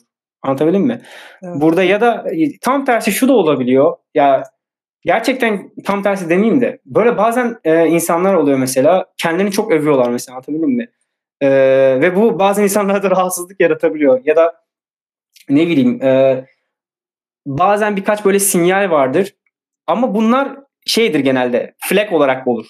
Yine e, bu mesela böyle bazı ufak şeyler mesela bir insan kendini çok övüyorsa eğer bu rahatsız edebilir mi yoksa normal bir mesele anlatabildim mi? Bu e, şirketin bakış açısına göre değişebilir ve şey der ya da şöyle mesela bazı kelimeler kullanır tabii ben mesela çok savaşan bir insanım işte düşüncesini e, ifade etmek için çok uğraşırım işte fight kelimesini çok fazla kullanıyorsa eğer oraya bir not ekler bir sonraki interview'de bu kişiye challenge yapın çünkü bu çok fazla fight kullandı e, gerekirse salağa yatın e, yanlış bir ters bir şey söyleyeyim ve nasıl seninle communicate ediyor gibi e, böyle challenge'lar verin anlamında e, olabiliyor. Anlatabildim mi? Yani evet. bu interview tamamen bunlarla alakalı bu kısım. Ki bu yani, daha başı yani. Her şeyin başı bu.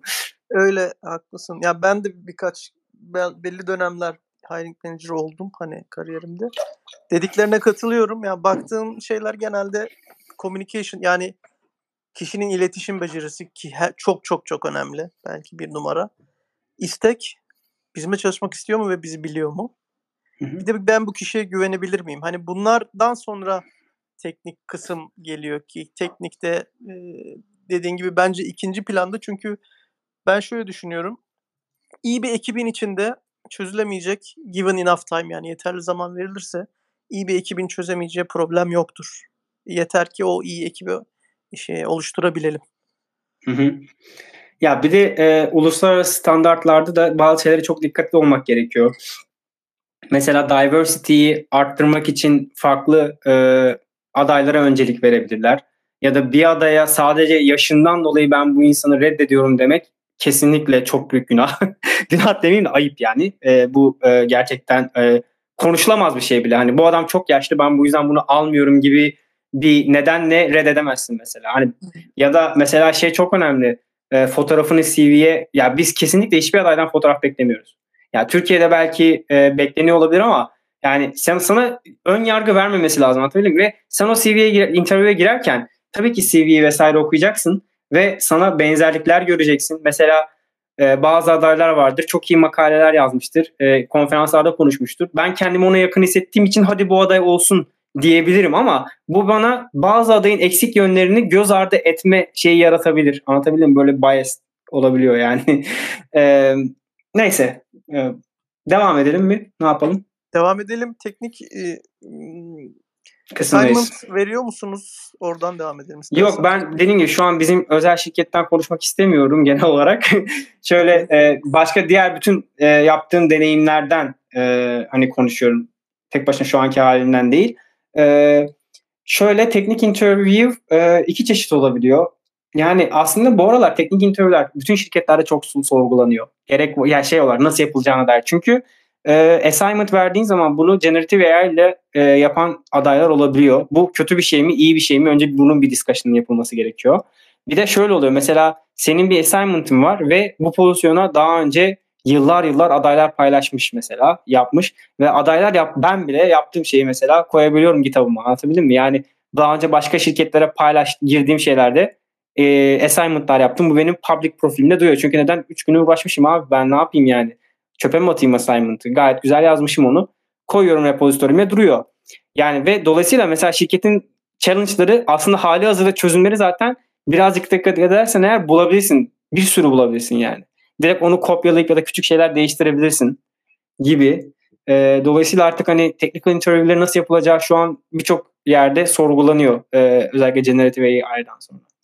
Neyse genel olarak technical interview'ler e, assignment'lar üzerinden olduğunu varsayalım. Buradaki assignment'ta aslında e, bir balans olması gerekiyor. Ve e, o balansta mesela de, adaydan kaç gün, kaç saat ayıracaksın? Yani bu aday, yani çünkü adayı soğutabilirsin de eğer beklentin çok yüksek olursa ya da kompleks, çok kompleks bir şey olsa. Yani çok iyi bir şirketsen, parmakla gösterilecek, herkesin girmek için can attığı bir şirketsen aday sana 3 gün ayırsın diyelim. Ama değilsen mesela o 3 günü ayıramayacak adam. Ayırmayacak. Neden yani uğraşsın o kadar? Anlatabildim mi? Burada e, o assignment'ın balansı çok önemli. Bir de assignment'ın requirement'ları da çok önemli. Yani sen belli bir requirement'lar vereceksin ve diyeceksin ki mesela bu production level olmalı. Yani yapacağın şey öyle bir yap ki yarın ben bunu App Store'a koyacağım diyebilirsin. Ya da işte test yazmana gerek yok. Hızlıca bana deliver et de diyebilirsin. Ee, bu beklentilere göre e, bir assignment geliyor ve o assignment'ın kalitesine göre de e, technical interview ve davet geliyor veya gelmiyor.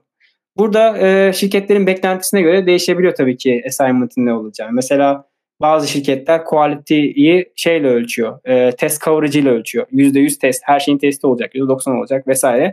Burada e, dolayısıyla senin assignment'ında test olmazsa ya direkt eleniyorsun.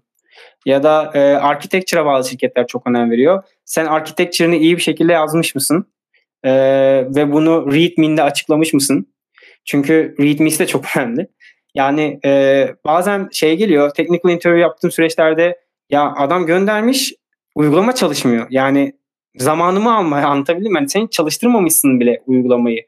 Hani quality'ye girmem için hani test yazdım yazmadım öyle. Daha uygulamayı sen manuel olarak hani run etmemişsin. Anlatabildim mi? Ee, ya da readme'sinde mesela e, nasıl çalışacağına dair şeyler olabilir. Mesela bazen gözden kaçabiliyor ama mesela ben integration test yazdım. Bunu görebilirsin diye readme'ye ekleyebiliyorsun mesela gibi. Ee, yani uygulamanın dizaynına mesela ne kadar önem verdin, e, titiz oldun ya da işte bazen mesela böyle icon iç yani uygulamaya özel hani assignment bile olsa özel bir icon tasarlamış insanlar bile olabiliyor. Bunlar hep pozitif şeyler oluyor. İşte versiyon kontrol kullanmış mı kullanmamış mı? Bu şirket için ne kadar önemli. Mesela assignment bile olsa orada git kullanmış mı? Çünkü commit commit görebiliyorsun mesela insan o zaman ne yaptığını. Ee, gibi böyle e, şeyler var. E, mesela çok sık ben e, yaptığım şey e, hemen e, Wi-Fi kapalıyken uygulama ne yapıyor gibi hemen testler mesela çok basit testler yapıyorum. İşte JSON'da e, bir field'ı yanlış olarak girersem eğer bunu e, uygulama nasıl UI'da gösteriyor? Error olarak da nasıl error yapıyor gibi. Ya da hiç mi error yapmıyor gibi. E, error state'i nasıl yapmış? Loading state'i nasıl yapmış? Görsel olarak birkaç dokunuş yapmış mı? Of! Pardon. Şu an konsantrasyonum dağıldı. Yo, güzel evet. örnekler, güzel ipuçları veriyorsun bunlar. Yok şu an off dedim de yani e, gözümün önünden tilki geçti de kırmızı tilki gördüm az önce. Neyse. Evet. E, çok gereksiz bir bilgi şu an. evet. Ya şu an Finlandiya'da şu an yaz geldi de ve günler çok uzun ve şu an hala gündüz burada. Ve e, ben benim penceremden bir orman gözüküyor ve hmm, çok güzel kırmızı bir tilki gördüm. O zaman yayından sonra Twitter'dan paylaşırsan bizimle merak ettik. Tamam. çok, yani çünkü ilk defa görüyorum. Çok acayip bir böyle bir şey oldu. Neyse. Camdan dışarı bakıyordum seninle konuşurken. Dikkatim dağıldı birden. evet. Evet, technical interview'ler böyle. Ee, şimdi evet. bu technical interview verdim. Burada genelde technical interview zaten uğraşmışsan eğer hani e, şey de diyebilirsin mesela benim zamanım yoktu o yüzden şunları şunları yapmadım ama şunlar şöyle yapılmalı gibi şeyler de yapabilirsin. Mesela bazı adayların mesela işsiz kalmıştır. Çok hızlı acele etmesi gerekiyordu. iş bulması gerekiyordur ve belki e, paralel giden birkaç assignment yapması gerekiyordu. Yani bu, aday iyidir ama çok iyi yani e, adayla iyi olduğu zaten hiring manager'da anlaşılır ve hiring manager de aday der ki ya ben tamam siz bunu benden istiyorsunuz ama e, benim vaktim yok. Dolayısıyla ben size teslim edeceğim ama bu 3 saatte yazdığım bir şey olacak. 3 günde yazdığım bir şey olmayacak. Ben onlara ne, hangi özellikleri eklediğimi yazacağım. Interview aşamasında ben size bunları nasıl yapılması gerektiğini anlatırım derse eğer aday mükemmel olur. Eğer demezse e, o interview geçemez. Yani ya mesela bu, evet. Bu dediğin çok önemli. Bu aynı zamanda bence kişinin işe alındığı zaman da çalışma ve iletişimini gösteren bir şey. Yani diyelim ki aynı şey iş, işte de geçerli olabilir. Ya ben bunu yapıyorum ama yapamadım. Bir yardım edin ya da şu kadarını yapabildim. Bir iletişim becerisi göstergesi aslında bu dediğin. Yani interview'e şey, review ederken, assignment'ı review ederken çünkü davet ediyorsun ve e, yani bin aday başvurduğunu düşün. Oradan kaç tane technical interview geçecek? Bu technical interview'e giren kişiler zaten developerlar. Kendi taskları olan, deliver etmesi gereken olan e, insanlar. E, öyle olunca hani e, assignment davet ederken de birazcık hani e, şey de önemli. Yani değmeli yani anlatabildim mi? E, aday çaba göstermesi gerekiyor kendisine yapması için. Özel bir durum varsa o özel bir duruma göre de davet edilebiliyor. Böyle bir ayrıntı. Peki bir şey daha sorayım. Hı hı. Biraz bir saati doldurduk ama herhalde biraz Yok yok sıkıntı değil ya. Şey podcast benim sıkıntı yok. O, alright. Peki şimdi bu junior, mid ve senior title'larımız var. Evet. Bunların sence bunların sınırları ve geçişleri nedir? Hı hı. Ee, veya bir kurumsal bir firmada HR'ın veya işte software takımlarında yöneticilerin bakış açısı nedir? Senin görüşün nedir? Yanlış olduğunu Hı-hı. düşündüğün bir sınırlama oluyor mu? Ya böyle olmamalı herkes böyle düşünüyor ama gibi mesela. Ki insan kendisini Hı-hı. nerede neye göre konu, konumlamalı? Evet, e, bu arada bu az önce bahsettiğim kaldığımız nokta technical interview'e girmeden önceydi. Technical interview ile ilgili başlı başına bir bölüm bile konuşabiliriz. Ama şu an senin sorduğun soruya dönelim. Ee, yani her şirketin zaten e, senior, mid, mid junior e, değerlendirmesi olabiliyor. Yani e, yıl sonu değerlendirmesinde zaten bunların tanımları var. E, ona göre promotion alıyorsun, ona göre maaş düzenlemesi oluyor. E, dolayısıyla zaten şirketlerin kendi kafasında belli bir framework var. Şu şuysa eğer e, junior'dır, buysa mid, mid'dir sonra senior'dır. E, bu şirketten şirkete değişir ama genel olarak CTO'nun ve e, yani insanların yani zaten CTO'nun varlığı o şirketin teknolojik olarak e, kapasitesini belirliyor işte nelere ihtiyacı olduğunu söylüyor. Genel olarak hani CTO'nun yaptığı küçük şirketlerde CTO'nun yaptığı iş olabilir veya CTO'nun delege ettiği bir şey olabilir ama sonuçta bu şirketin kültürünü de yansıtır aynı şekilde.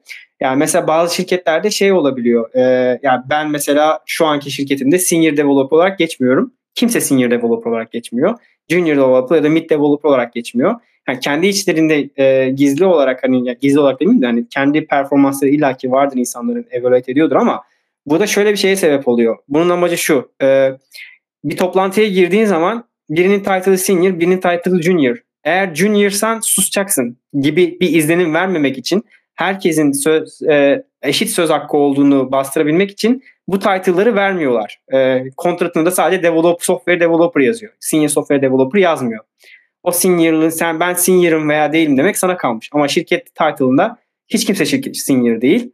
Dediğim gibi bunun amacı da e, bu bias'ı önlemek için ya da ben junior'ım ben az konuşayım falan gibi şeyler değil. Şimdi e, değerlendirme framework'leri ne olabiliyor? E, dediğim gibi çok farklılık gösterebiliyor ama ya genel geçer kabullerden bahsedeceğim ben. Yani eğer e, diğer developer yani bir iş tamamlarken diğer dev, developerların bir şey yardımına ihtiyacın varsa e, bir task'ı aldığın zaman bunun gereksinini, requirement'larını almak için insanların sana bir şeyler vermesine çok ihtiyaç duyuyorsan eğer. E, yani çok fazla e, şeye ya, e, nasıl desem hmm, e, fasilitet edemiyorsan yani e, mesela bu işi böyle yapalım alıp bunu götüremiyorsan bir projeyi baştan sona sonlandıramıyorsan eğer ya da bir şeyi e, burada bir sorun var bunu şöyle çözelim böyle çözelim hadi bir araya gelin toplantı diyemiyorsan eğer hani bu junior oluyor beklentiler de ona göre oluyor maaş skalası da ona göre oluyor genel olarak junior e, dediğimiz şey dışarıdan e, destek alıp işleri taskları tamamlayan e, insanlar oluyor. Tabii ki bu startuplarda çok farklı olabiliyor ama e, şirketin boyutuna göre de değişebiliyor. E, yani mid, mid'e geçin gelince de mid'de tek başına bütün taskları yapabiliyor gibi. E, bütün, neredeyse bütün. Ama hala belirli yani kompleks böyle şeyleri gözün kapalı emanet edemediğin ya da gözün kapalı emanet edemediğin demeyin de e, dışarıdan yardım almadan kompleks taskları yapamıyor ya da e, architecture konusunda çok fazla söz sahibi olamıyor. İşte çok fazla fikir belirtemiyor. E, bir şey gerektiriyor. E, dışarıdan bir yönlendirme istiyorsa eğer e, mesela olabiliyor. Ama yine de bir şeyi başına alıp sonra e, yani e, götüre task'ı başına alıp, alıp sonra götürebiliyor. Ama aşırı kompleks ya yani super impactful, impactful e, şeyleri yapmıyor gibi düşünebiliriz bunu. E, tabii ki code review vesaire katılıyor. E, işte bildiğini paylaşıyor. İşte ne bileyim e, teknolojiden haberi var. E, insanlarla communicate edebiliyor. E, bir şeyleri facilitate edebiliyor, toplantı yönetebiliyor vesaire. Bu böyle oluyor. E, sin, senior'dan e, asıl senior dediğimiz şeydeki olayda bir task'ı alıp ne kadar kompleks olduğundan bağımsız olarak alıp başını götürüyor. Yani şöyle bir task var. Bu kişi bu senin. Artık gerisine ben karışmıyorum. Artık bunu sen e, direkt bu işin interfeysi sensin diyebileceğin insan senior. Çok kompleks şeyleri de emanet edebilirsin. Eğer bir şey çok komplekse o iş o kompleksten çözemeyeceği bir şey olabilir bu arada. Ama o çözemediği durumu nasıl handle ediyor? Kimlerden yardım buluyor? Nasıl destek alıyor? Ee, mesela başka stakeholder'larla konuşuyor. Mesela analytics takımıyla konuşuyor, designer'la konuşuyor. Ama sonuçta o task hala ona ait. Hani az öncekinden farkı şu hala senior developer'dan destek alırken mid olan senior olan diğer developer'dan almak almaktan öte diğer stakeholder'larla konuşup e, çözümü getiriyor. İşte e, bir şey bir blocker varsa o blocker'ı çözüyor. E, best practice'lerin yayılması için işte bu best practice'tir bunu böyle yapalım. RFC'ler yazıyor. Yani ben böyle bir doküman yazıyor. Hadi buna yorum yapın. Bunu geliştireceğiz gibi e, kendi bilgisini yayıyor. E, çok iyi bir işte willing to teach dediğimiz şey e, bildiğini öğretme, başkasından öğrenmeye de açık aynı zamanda. Tabii ki e, deneyim de çok önemli burada ama hiçbir zaman seniority tek başına number of years değil yani. Çok önemli bir şey çünkü e, yani ben kariyerim boyunca gerçekten e, iyi yazılımcı olup iyi senior developer olmayan çok insan gördüm. Çünkü bazı insanlar şeyi tercih edebiliyor. E, inatçı olmayı tercih edebiliyor. E, bazı şirketlerin de bu işine geliyor. Çünkü inatçıdır vesairedir. Kendi yöntemleri vardır ama teslim ediyor mu task'ı? Teslim ediyor. Ama o task'ı teslim ederken yarattığı huzursuzluk bir olabilir. İki, tek dept olabilir. Yani bir işi yapmanın bin yolu vardır ama e, uygulama scalable olması gerekiyorsa eğer o scalable olmanın gerektirdiği şeyleri yerine getirip mi teslim ediyor? Quality test yazmış mı? PR'ı açarken e, merge etmeden önce manuel testingini yapmış mı? PR'ın description'ını yazıp herkes okuyup anlayabileceği bir şey yapabilmiş mi? Yani uzun bir feature eğer versiyon 1'ini yaptıktan sonra versiyon 2'yi alacak kişi bunu e, o kişiye ihtiyacı olmadan teslim edebilir mi? Yani çok fazla parametre var. İşte iyi developer denen şey kesinlikle number of years değil. Kesinlikle böyle tek başına iyi kod yazan değil. E, takımın bir parçası olabilmesi önemli. Burada da işte hiringlerde hep bu öne çıkıyor.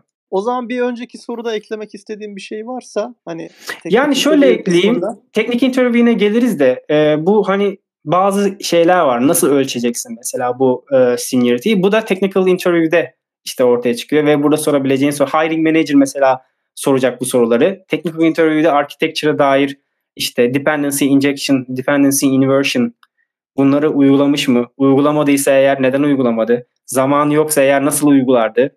E, bu kavramları biliyor mu? Bu kavramların avantajları neler? Gibi sorular. E, mesela işte burada otonomi yani tek başına iş yapabilir mi yapamaz mı soran sorularda mesela hep şey yapmak gerekiyor. Yani hazırlıklı şöyle hazırlık olmak gerekiyor. Ben daha önce şunu tek başına yaptım gibi bir örnekle e, hazırlanman gerekiyor. yani ben tek başına senior'ım demen yetmiyor orada. O senior'ı sana inandırabilmen için e, hali hazırda senin senaryoların olması gerekiyor. Yani ben daha önce bunu yaptım tek başıma hallettim. Autonomide kastım o. Ya da işte e, daha önce e, şu projeyi aldım götürdüm. E, e, mesela daha önce şöyle konflikler oldu. Bunları böyle çözdüm. Daha önce şöyle bir feedback aldım. Kendimi şöyle değiştirdim ve uyumu sağladım. Ee, yani hep böyle e, gerçek hayattan örnekler gerekiyor. Çünkü o number of years'dan öte yaşadıkların önemli ve o yaşadıkları nasıl anlattığın, o cebini doldurduğun deneyimler önemli yani.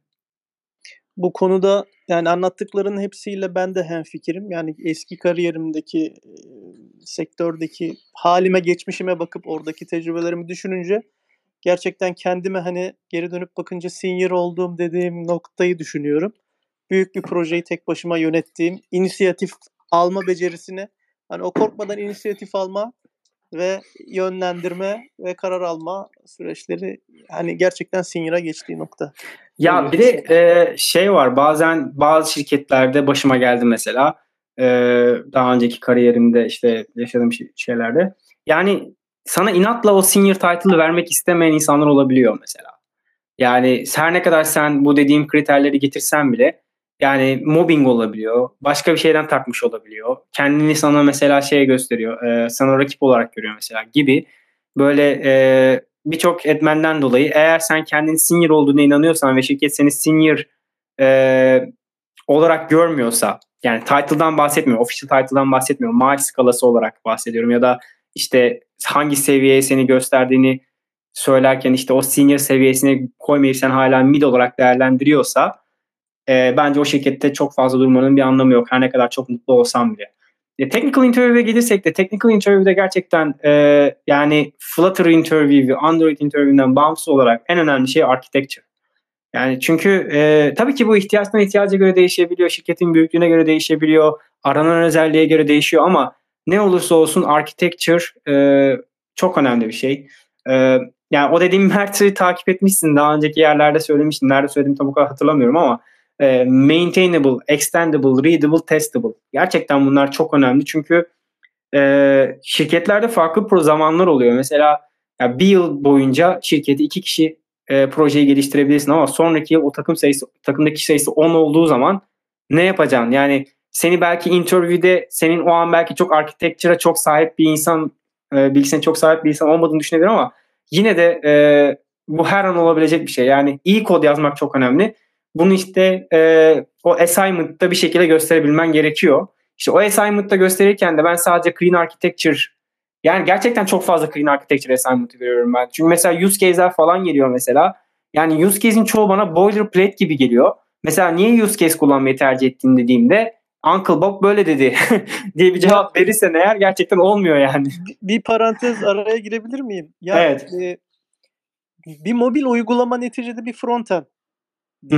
Yani bir mobil uygulamada Clean Architecture kadar detaylı ve şey bir yapıya ihtiyaç var mı bu kadar sence? Şimdi şöyle e, assignment dediğimiz şey senin aslında şansın yani senin ne bildiğini göster yani çünkü sen gerçekten çok iyi bir developer olabilirsin ama bunu göstermek için bir buçuk saatin var. Anlatabildim mi? Dolayısıyla assignment çok basit olsa bile burada e, bildiğini senin bir şekilde göstermen gerekiyor. Gerekirse bildiğini gösterebilmek için requirement'ların dışına çıkıp ekstra feature eklemen gerekir. Anlatabildim mi? E, yani e, onun dışında şirketlerde de e, çok dediğin şeye katılmıyorum. Mobil uygulama başta başına e, yani çok basit uygulamaysa eğer belki eyvallah. Mesela e, arkadaşları gördüm. Adem paylaştı bize Filter ekibinden e, şey e, Erdoğan'la Kılıçdaroğlu'nu işte oy sayarken e, gösteren basit bir uygulama işte sandıktan sayarken birine artı bir ekliyor ya da tespit çekme uygulaması olabilir gibi anladın mı? Bunların çoğu zaten Apple'dan geçmiyor e, çok basit olduğu için. Ya bunlar da tamam yani çok ciddi bir architecture gerek ama ya onun dışında production olan eğer bir şey production ise illaki içinde zaten bir network connection varsa database yapıyorsan eğer ve yani eğer hem network connection hem database varsa zaten çok iyi bir architecture ihtiyacın var. Eğer demo uygulamaysa eğer zaten gerek yok. Moco olarak yapıyorsun. Ama e, yani şey çok önemli. E, separation of concerns. Gerçekten hani assignment boyunca separation of concerns'a bak. Her şey separation of concerns. Yani bütün olay separation of concerns. Dediğimiz şey ne? Ya bu ne demek? E, sen mesela Firebase kullanarak yaptın. Mesela ben evet geçen şeyde e, Twitter'da da birkaç ay önce tartışmıştım bunu. E, yani Firebase'in UI library'si var. Amazon'un UI library'si var. E, mesela e, direkt widget olarak kullanabileceğin. Feature Builder var, Stream Builder var. Yani bunlar e, yani dediğim Firebase kütüphanesinin direkt UI widget'ı direkt sana e, sağlayan, e, database'e bağlamını sağlayan şeyler. Aslında bunlar hep tri, trip yani trap, trap, tuzak. Şöyle tuzak. Çünkü sen Firebase kütüphanesini artık e, çünkü Firebase dediği şey bir data source aslında. Database'e bakarsan data source.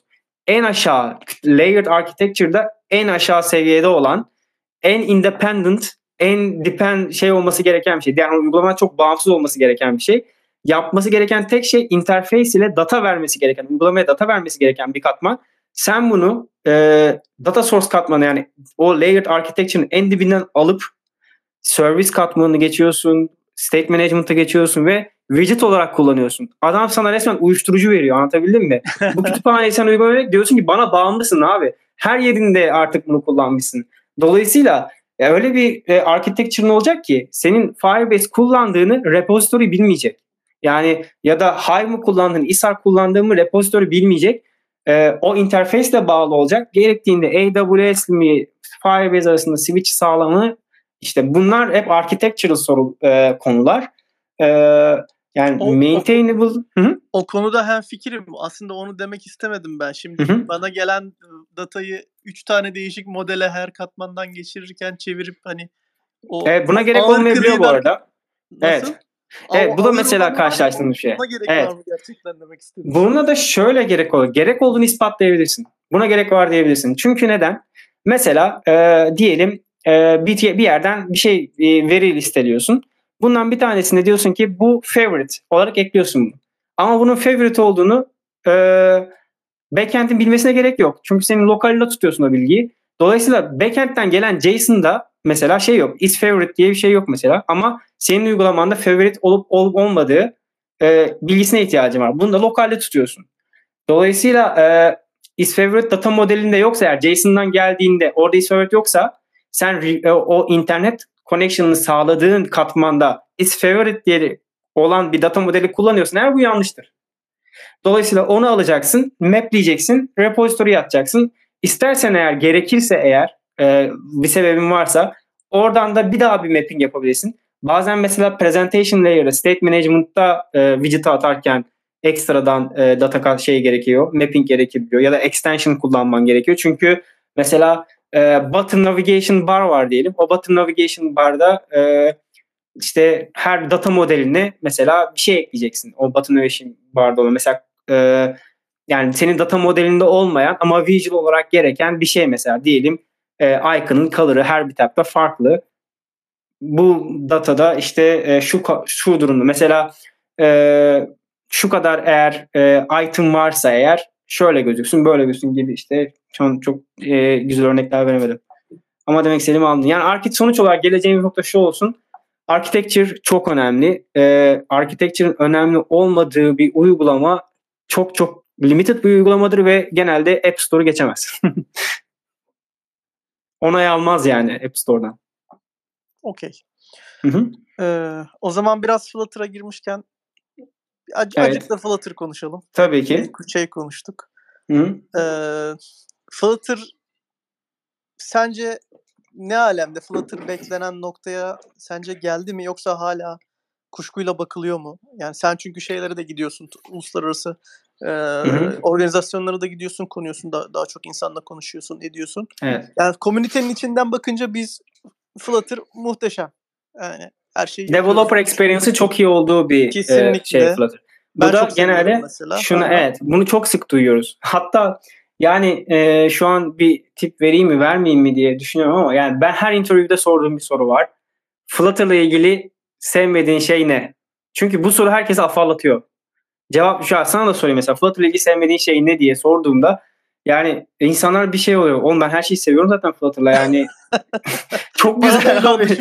evet yani e, bu soruyu gerçekten e, hiç düşünmeden cevap veren bir insan sana sonra şunun ipucunu veriyor. Gerçekten bu framework'ü baştan sona kadar e, kullanmış, eksiklerini biliyor. E, yani e, anlıyor yani. Anlatabiliyor muyum? Evet. Web, web, web uygulamaları yaparken DevTools da eksiklikler var gibime geliyor. Yani zaten onun şey Flutter'da hot, e, hot reload olmadığı için web'de e, hot restart var. Dolayısıyla direkt şey yapmıyor. Zaten şimdi e, Wasm da geliyor işte WebAssembly. WebAssembly gelince e, direkt JavaScript görmüyorsun artık orada. E, işte binary kodlar görüyorsun vesaire. O işler birazcık daha değişik oldu. Zaten web ayrı bir dünya. İşte bunları işte söyleyebiliyorsun ya şu an. Demek ki ben buradan interview'de şunu anlıyorum. Ya bu kişi web kullanmış gerçekten. Yani bu kağıt üzerinde değil gibi. Muyum? Bunlar hep işte düşünülmesi gereken şeyler. Anladım. Ee, Flutter'ın geleceğine gelirsek eğer ya da şöyle söyleyeyim. ee, şu an şu gerçek. Ben bunu reddedemem. Bunu başka insanlar da reddedemez. Ee, arz talep dengesi birazcık bozuk. Bunun çeşitli sebepleri var. Ee, ya en büyük sebeplerinden biri switching cost. Ee, switching cost ne demek? Değişimin maliyeti. Yani bir şirket e, yani büyük şirketlerden mali parası olan bir şirketten bahsedersek eğer bu şirketin hali hazırda zaten bir projesi vardır. Ve Flutter relatively new yani diğer teknolojilere göre daha da yeni bir teknoloji. React Native 2016 yılında uygulama yaparken e, Flutter 2018'de stable oldu. 2020 yılında coştu diyebiliriz yani 2019-2020 yıllarında coştu. Ama o sırada insanlar zaten cross platform varsa eğer direkt React Native'e gidiyordu. Ya da işte native yapıyordu. Yani hali hazırda belirli bir e, donanımı, belirli bir developer'ı olan insan, e, şirket pardon, e, için Flutter'a geçmek çok kolay bir karar değil. Bu kararı verer, verirken de bir sürü şeyi e, düşünmek gerekiyor. Bir, talent pool nasıl? Yani ben iyi bir senior developer'a ihtiyacım olduğu zaman bunu kolayca bulabilecek miyim? Çünkü herkes senior developer alıyor. Sen iyi bir şirketsen eğer o senior developer'ı kolayca bulabilirsin. Ama iyi bir şirket değilsen eğer iyi bir Flutter developer'ı nasıl bulacaksın? Gibi e, soruları sorması gerekiyor. İkincisi benim hali hazırda desteklediğim teknolojiler. Mesela ben GitHub Actions kullanıyorum. Ee, işte localization'da phrase kullanıyorum gibi başka nasıl örnekler verebilirim? Ee, intercom kullanıyorum support'ta. Helpshift kullanıyorum gibi böyle customer support e, kütüphaneleri. Bunların Flutter'da karşılığı var mı? Yani ben çünkü e, şirkette diyorsam eğer CI e, CI/CD tool'um GitHub Actions diyorsam eğer ya da şirkette diğer bütün projeler e, phrase kullanıyorsa eğer ben yani sıfırdan bir şirkete yeni bir knowledge veremem. Dolayısıyla o şirket, e, hali hazırdaki e, şirketin teknoloji stağıyla Flutter'ın uyumu nasıl? Mesela bu bir soru. İkinci bir soru 5 yıl sonra Flutter ne olacak? Sorusuna nasıl cevaplar veriyorsun? Hangi indication'lar var? Piyasa nasıl gözüküyor? Üçüncü soru e, Dart developer bulabilecek misin? Çünkü e, JavaScript her şey yapabiliyorsun JavaScript'le. Backend yazıyorsun, mobil yazıyorsun. Çok fazla piyasada JavaScript developer var. E, backend developer, frontend developer olarak alabilirsin ama Dart bilen çok az kişi var. Ha, bana sorsan önemli değil çünkü Dart zaten çok kolay bir dil. Ee, hızlıca öğrenilebiliyor. Ama bazen şirketler yani CTO olduğu zaman e, çünkü sonuçta sen CTO olarak şirketin geleceğine karar vereceksin. E, dolayısıyla bu e, her şey senin başarısız olabilir bu e, Flutter çözümü. O zaman CEO sana bakacak. Kardeş sen ne yaptın diyecek. Yani ben sana güvendim. Her şeyi teslim ettin. Sen öyle bir teknolojiyi yaptın ki ve ben bu teknolojiye acayip yatırım yaptım. Bir sürü developer aldım içeri. Layoff mu yapacağım şimdi? Gibi. İşte bu kadar kod yazıldı. Bunlar ne olacak? Yani bunlar vebal. hani bunların cevaplanması için güven gerekiyor. Güven içinde iyi örnekler gerekiyor. Herkesin haklı şeyleri şey var. BMW şunu yapıyor. İşte e, Philips Hue e, Flutter'ı kullanıyor. Toyota bunu kullanıyor.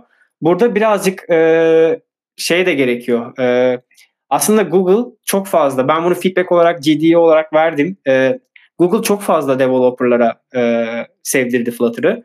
İşte üniversitelerde çok fazla Flutter kullanan var. Bu çok iyi bir şey zaten. Ama biraz da şirketlere aslında e, real life başarı hikayeleri e, piyasaya vermeleri gerekiyor. Çünkü ben Flutter'a geçsem e, kafamda bir sürü soru işareti olacak. Mesela Bluetooth benim uygula şey Bluetooth var benim uygulamamda. Flutter'ın Bluetooth desteği nasıl? E, native kodu e, ben Flutter developer alsam eğer bu developer native bildiğini iddia etse bile 3 yıl Flutter yapmışsa o native bilgisi sönerek azalacak.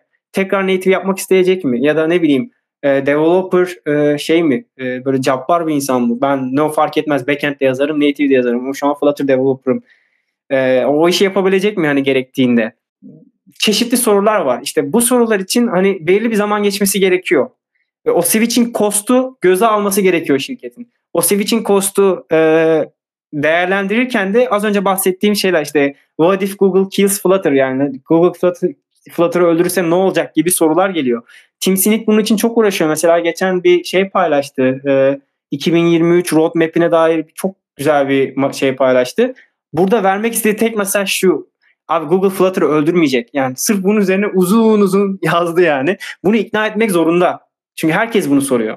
Çünkü e, Facebook Parse öldürdü daha önce. Parse Firebase'in rakibiydi mesela. Ama Parse şu an hala devam ediyor bir open source olarak. Flutter da open source proje. O da devam edebilir. Ama arkasında Google olmadan ne kadar süre devam edebilir? Bu bir soru işareti. Ee, konumuz çok dağılıyor. Ee, şimdi şey dedik. Evet neden az var? Birincisi işte bu switching cost. İkincisi e, startuplar çok fazla Flutter kullanıyor. Çünkü neden?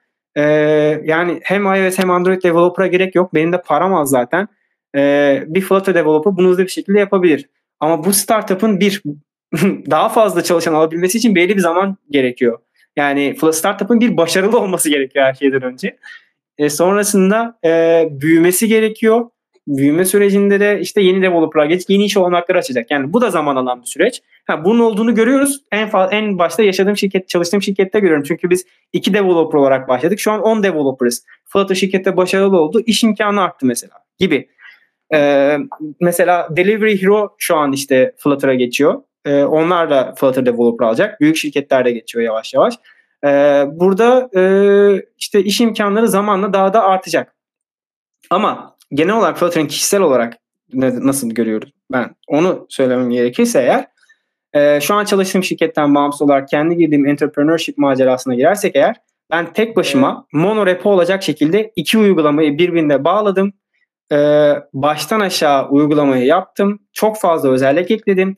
Firebase'de bunun kodunu yazdım. Yani full stack baştan aşağı ben bir e, kullanıcılarımın olduğu bir uygulama yaptım. Yani pa- para kazanabildiğim. Burada, hemen Hı. burada bir şey sormak istiyorum. Buyur. Senin Hı-hı. Android geçmişinde var.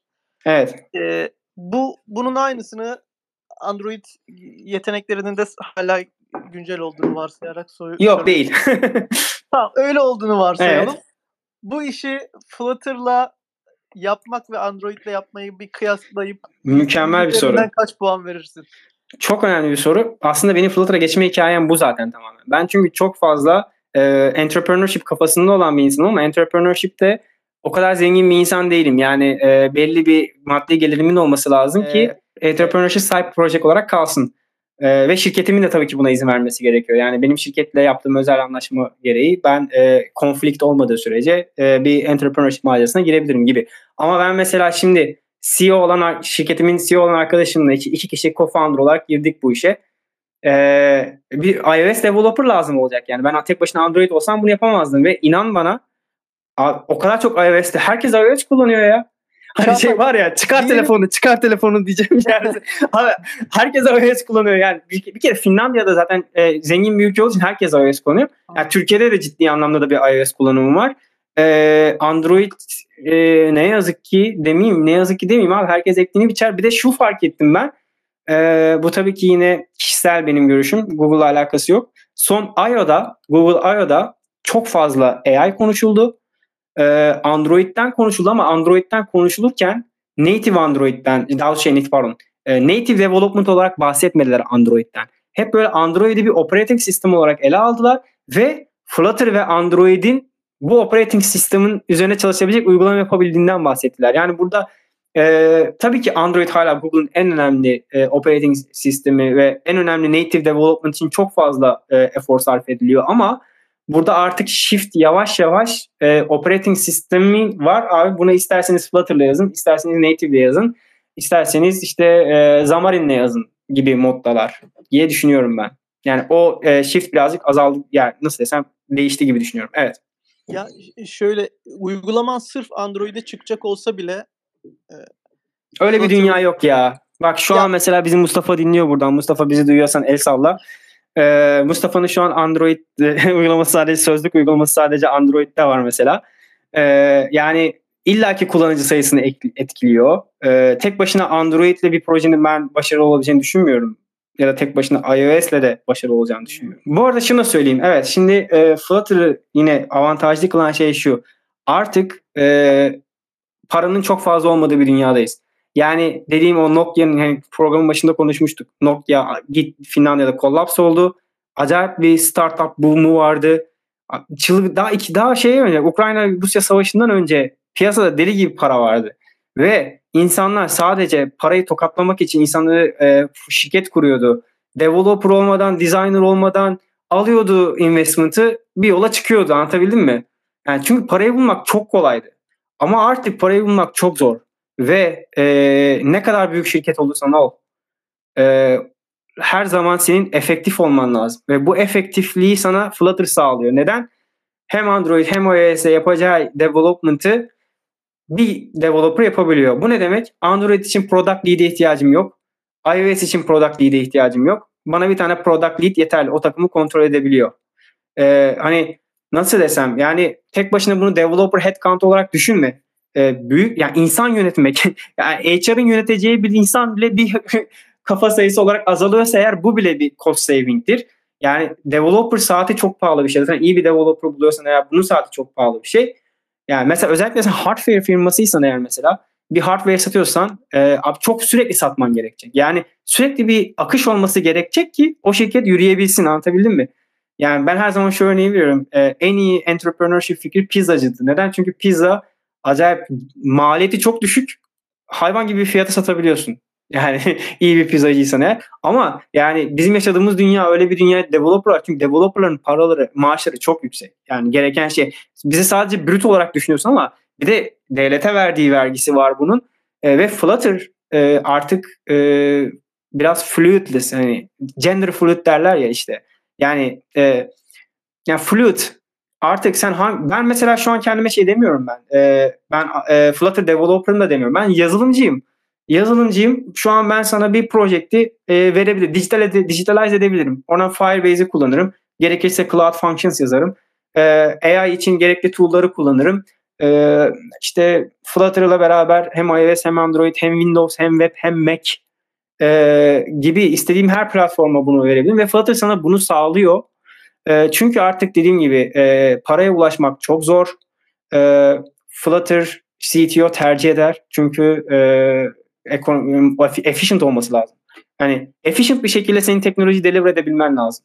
Aynı şekilde e, işte AI tool'larını kullanacaksın artık. Yani e, gerekirse e, yani bir şekilde onun privacy şeylerini yaptıkça e, privacy konsörlerinden bağımsız olarak yani developerlarına copilot alman lazım. Yani sana birkaç dakika bile gelebilir, birkaç saniye gelir ama o da efficient bir şekilde yara- yapmaktır. Ben şu an GitHub Copilot kullanıyorum. Yani inanamıyorum ya. İnanılmaz e, geliştirdi beni. İşte e, ChatGPT'nin Plus özelliğini kullanıyorum. İşte şu an benim site projektimde kullanabileceğim saatler çok kısıtlı. Çünkü ben iş saatleri dışında kod yazıyorum. Hafta sonları kod yazıyorum. Geçen bir data modeli kompleks hale geldi. Ee, yeni bir e, işte data modeli yapmam gerekti. Direkt ChatGPT'ye Class'lara önce verdim. Dedim ki bak bu class buna bir documentation yaz. Bütün public field'lara document yazdı. Dolayısıyla o class'ları teker teker tanıdı. Dedim ki ben şimdi buna şu özelliği eklemem gerekiyor. Bunun data modeli nasıl olmalı? Bana bunu bir örnekle açıkla. Bir şey veriyor diyorum ki bak sen bunu bana yaptın ama bu şöyle bir sakıncası var.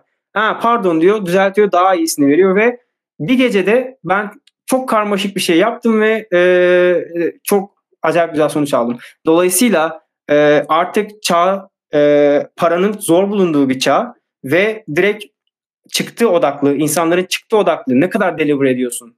Nasıl deliver ediyorsun? Beni ilgilendirmiyor. Sen Xamarin mi kullanıyorsun, Flutter mı kullanıyorsun, native mi yapıyorsun? Ben CEO olarak çıktıya bakıyorum. Dolayısıyla sen o çıktıyı bana cost efektif olarak nasıl veriyorsun? Bu kadar senin paran var. Mesela sen mesela gollerin var diyelim. Sana CEO diyor ki bu sene şu e, vertical'a giriyoruz. Şunu yapacağız. Sen CTO olarak bunun maliyeti şu kadar dediğin zaman CTO'ya şey CEO'ya CEO what the fuck derse o zaman e, ne olacak yani? O zaman Aa, native yapıyorduk o yüzden pahalı mı diyeceksin? Yani gibi. O yüzden Flutter avantajlı. Evet evet aynı fikirdeyim. Günün sonunda dönüp dolaşıp olay tamamen ekonomik bir karar neticede ya, bu ve ya işte big picture yani e, o evet. zaten CTO'nun görevi kod yazmak değil yani. Evet. o big picture'ı görebilmek, teknolojiyi okuyabilmek, teknolojik gelişmelerden haberdar olmak. Nereye Peki, gittiğini predict edebilmek. Çünkü evet. predict, mesela sen diyebilirsin CTO'ya bak Flutter var çok güzel. CTO'nun sana söyleyeceği tek soru var. 5 yıl sonra Flutter ne olacak? Bana 5 yıl sonrasını söyle. Çünkü adam önemli olan o yani. Şu an sen heyecanlısın, Flutter'ı çok seviyorsun deyip hadi gel Flutter yazalım demez adam. Yani zaten bir teknoloji seçerken farklı takımlarda olsan bile önce e, şirkete bakacaksın. Yani kişisel tercihten önce gelen şey takımın tercihi, takımın tercihinden önce gelen şey şirketin e, yani e, tercihinden öte şirkete getireceği kazanç yani. Big picture. evet. Yani günün sonunda uzun vadede ya da orta vadede cross platform sanki olacak gibi. Ya şimdi şöyle cross platform hani Tim Smith de şunu söylüyor Flutter'ın işte product manager'ı, e, product lead'i mi artık neyse işte Flutter'ın en önemli insanı. Abisi. E, cross cross platform demiyor, multi platform diyor. Bunun sebebi de şu cross platformun yarattığı reputation. Yani e, insanlar React Native'den çok çekti. E, Xamarin'den çok çekti. Şimdi Xamarin yerine Mayu çıktı. O da ben başarılı olacağını düşünmüyorum. Ama e, artık şeyler e, Flutter'a koyuyor. Mesela Kotlin multi platform var mesela. Kotlin multi KMP. Yani mesela Kotlin de e, multi platform da iOS e, yapabiliyorsun. Mac yapabiliyorsun. Mac çıktısı alabiliyorsun. Ve bu Flutter'a çok benziyor. Çünkü artık insanlar hani artık kaç yıl oldu yani belirli bir background var, belirli bir deneyim var. Yani Flutter'ın ilk e, şeyi yani GitHub'ın ilk commit'i 2014 yılında atıldı. 2014 yılından önce de Android 2008'de işte ilk versiyonu çıktı. 2018 2008'den 2014'e kadar işte web'in mobil uygulamalarda, şey, mobil telefonlarda nasıl çalışacağı üzerine çok fazla e, deneyimler oldu. Web'in başlı başına bir sürü problemleri var. Hani büyük şirketten, Google büyük bir şirket olarak en iyi insanlarına bu problemler neler? Bizim şu an bir cross platform e, olarak bunu çözüm olarak sunduğumuzda bunu en iyi şekilde nasıl yapabileceğimiz sorusuna doğru cevabı verebilir doğru cevabı verebildik verebildiler. Dolayısıyla e, o cross platformun bad reputation'ı Flutter şu an yıkıyor. E, ve bunu da e, gerçek hikayelerden görebiliyoruz. Bizim şu an zaten şirket içerisinde çok fazla blog post ve bu başarı hikayesini anlatarak aslında e, biz de diğer şirketlere yardım, komüniteye yardımcı olmaya çalışıyoruz. Söyleyebilirim bunu evet. Çağatay teşekkür ederim. Başka sorum kalmadı. Son evet. bir sorum daha var. Buyur ya istediğin evet konuşabiliriz. evet sıkıntı yok. Şimdi bugün benim yazılımdaki tek uzmanlığım hani Hı-hı. diğer şeyleri saymıyorum profesyonel olarak yaptığım mobil ve Flutter. Hı-hı. Benim durumumda olan bir insana B planı olarak başka hangi araç ha, evet, çok veya dil, soru. dile önerirsin? Sen olsan yani, benim yerimde ne eklersin? Evet seni e, kendime senin e, işte shoes put on your shoes. Ayak ayakkabıların içine giriyorum. İngilizce te, İngilizce terimini direkt çevirirsen eğer. Ee, şöyle e, Swift yapardım ya. iOS yapardım. Çünkü e, iOS zor. Yani iOS developer olmak zor. Ve şirketler hala native e, yapıyor. Yani native bir kere native kullanmak kötü bir şey değil. Hani Flutter varken niye native kullanayımın çok geçerli cevapları var. E, bu cevaplara da başka bir programın konusu olabilir. Evrim ağacı gibi oldu. E, şöyle e, native development hala var. Yani Flutter native'i öldürmedi. Öldürmeyecek yakın bir zamanda. Dolayısıyla native hep yerini koruyacak. E, iyi bir iOS develop hani üniversiteden şimdi burada yine Mustafa yayında onu da görüyorum. E, gerçekten iOS developer erke, olmak için erken yaşlarda olmak için bir MacBook'a ihtiyacım var. Bir iPhone'a ihtiyacım var ve e, ay, yılda 100 euro ödemeye ihtiyacım var. E, dolayısıyla piyasada çok fazla deneyimli iOS developer yok. Her zaman bir sorun ve iOS developer böyle birazcık da şey gibi gözüküyor. Yani nasıl desem elit elit gibi gözüküyor. Evet, daha havalı. evet. E, yani e, Swift ve iOS development öğrenirdim. İş bulma imkanım artardı. Ve bundan sonra Flutter'a da geçebilirim. Yani zaten o bilgi hiçbir zaman ya iyi bir developersan eğer yani mesela frontend'den backend'e geçmek çok zorlu olabilir ama frontend'in kendi içerisinde çok rahat değiştirebilirsin diye düşünüyorum. E, dolayısıyla e, yani piyasanın gerçek şu an deneyimlerine bakarsak eğer çünkü ben çok deneyimli e, bir insan tanıyorum ve şu an iş bulmakta çok zorlanıyor. E, yabancı başka bir ülkeden bir insan tanıyorum. İşte geçen e, postunu görmüştüm. E, faturaları ödemem gerekiyor diyor. Ama adam çok iyi bir adam. Bazen overqualified oluyorsun. E, ve e, yani fiyat, sana çok iyi paralar verebilecek şirket sayısı çok azalıyor. Özellikle Flutter'da var bu. Dediğim gibi hani o startup şirketleri büyüyecek de çünkü şu an Flutter genelde startuplarda kullanılıyor o startup şirketlerinin büyüyüp iyi paralar kazanıp iyi developerlar alması zaman alacak bir şey. Ee, yani beklentileri karşılamıyor bazen. Overqualified oluyorsun. Ee, dolayısıyla e, iOS evet Swift tercih ederdim ben. Kişisel olarak. o zaman son dedim ama son bir şey daha Yok yok konuşabiliriz ya sıkıntı değil. Program benim. CI/CD tool'ları var biliyorsun. Evet. Code evet. Magic, App Circle, App Circle. App Circle mesela denedin mi? Tecrübe nelerdir? Ya şimdi şöyle App Circle e, App Circle'ın bizim tabii ki farklı bir bağımız var. Çünkü App Circle Türkiye'den çıkmış. İşte Osman e, Osman abinin e, founder olduğu şirket. E, ben şu an kendi projemde yani hani site projektinde Osman abi bana bir güzellik yapıp e, e, premium e, hesap verdi bana ve ben e, sürekli ona bildiriyorum, feedback veriyorum işte şöyle yapsan böyle yapsan. E, yani uygulamayı yapmak yetmiyor kesinlikle. Bunun CI çok önemli. CD, ya CI, CD dediğimiz şey çok önemli. Çok hızlı bir şekilde automate edip hızlı bir şekilde release'i e, ulaştırman lazım. Zaten e, dediğim gibi kod yazmak bunun çok küçük bir şey. Yani şu an e, geçen ya o kadar aptal bir şey oldu ki yani şu an e, Apple'a çok gıcık kaptım. Yani o kadar çok yani zaten Apple'a küfür etmediysen sinir değilsin. Şöyle söyleyeyim. ee, hani şey olur ya Levent de bunu söylüyordu işte şunu yapmadıysan sinir değilsin falan diyordu. Ben de diyordum abi bu kadar gatekeeper'lık yapmaya gerek yok ama bu şaka bir yandan söylüyorum. Hani ya gerçekten bizim, ben de evet. gireyim. Bizim bizim ekipte de Asım da burada bizi dinliyor. Bizim takım lideriydi. O da çok şey yapmıştır. evet yani. Çünkü şöyle bir saçmalık oldu. Ya şimdi biz Evet baş, yaptık ürünü. Tamam artık ürün çalışacak kullanılacak. Eyvallah. Store'a koyduk. Sıkıntı yok. Birinci güncelleme geldi sıkıntı yok. İkinci güncelleme geldi sıkıntı yok. Demo yapacağız. Büyük bir şirketle ama gerçekten büyük bir şirkete uygulamamızı anlatacağız. Her şeyi hazırladık. Hafta sonu köpek gibi çalıştım. Gerçekten gecelere kadar çalıştım falan.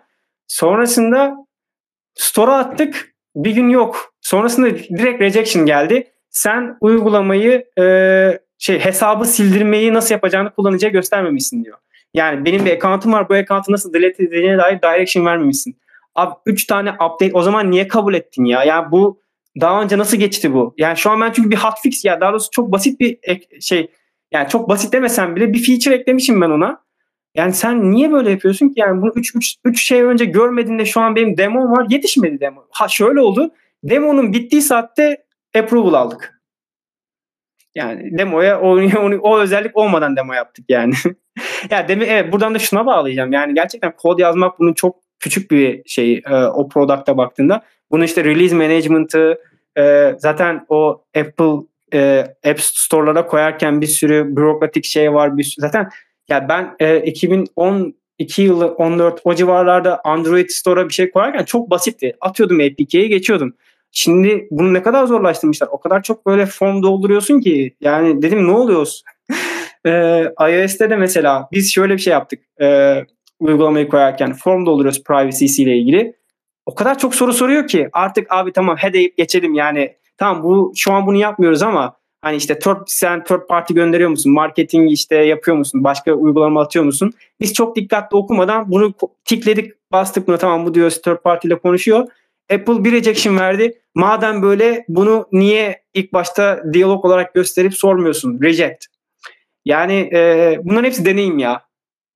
Heh, şeye geldik işte e, CI/CD'ye geldik. İşte CI/CD de bunun bir parçası. E, hızlı bir şekilde bunları deney yapıp hemen abi e, Apple sana rejection mı verdi? Şunun hızlı bir şekilde yapılması mı lazım? Tamam kodu yap. Bir tuşa bas. E, branch'e gitsin. O CI direkt store'a atsın bunu. İşte bunu da e, işte CodeMagic olabilir. E, App Circle olabilir. E, GitHub Actions gibi tool'lar var. E, ama App Circle e, Türk malı. Made in Turkey. O yüzden App Circle'ı tercih ediyorum ben. Kişisel olarak ben tercih ediyorum. Evet ben de aynı fikirdeyim.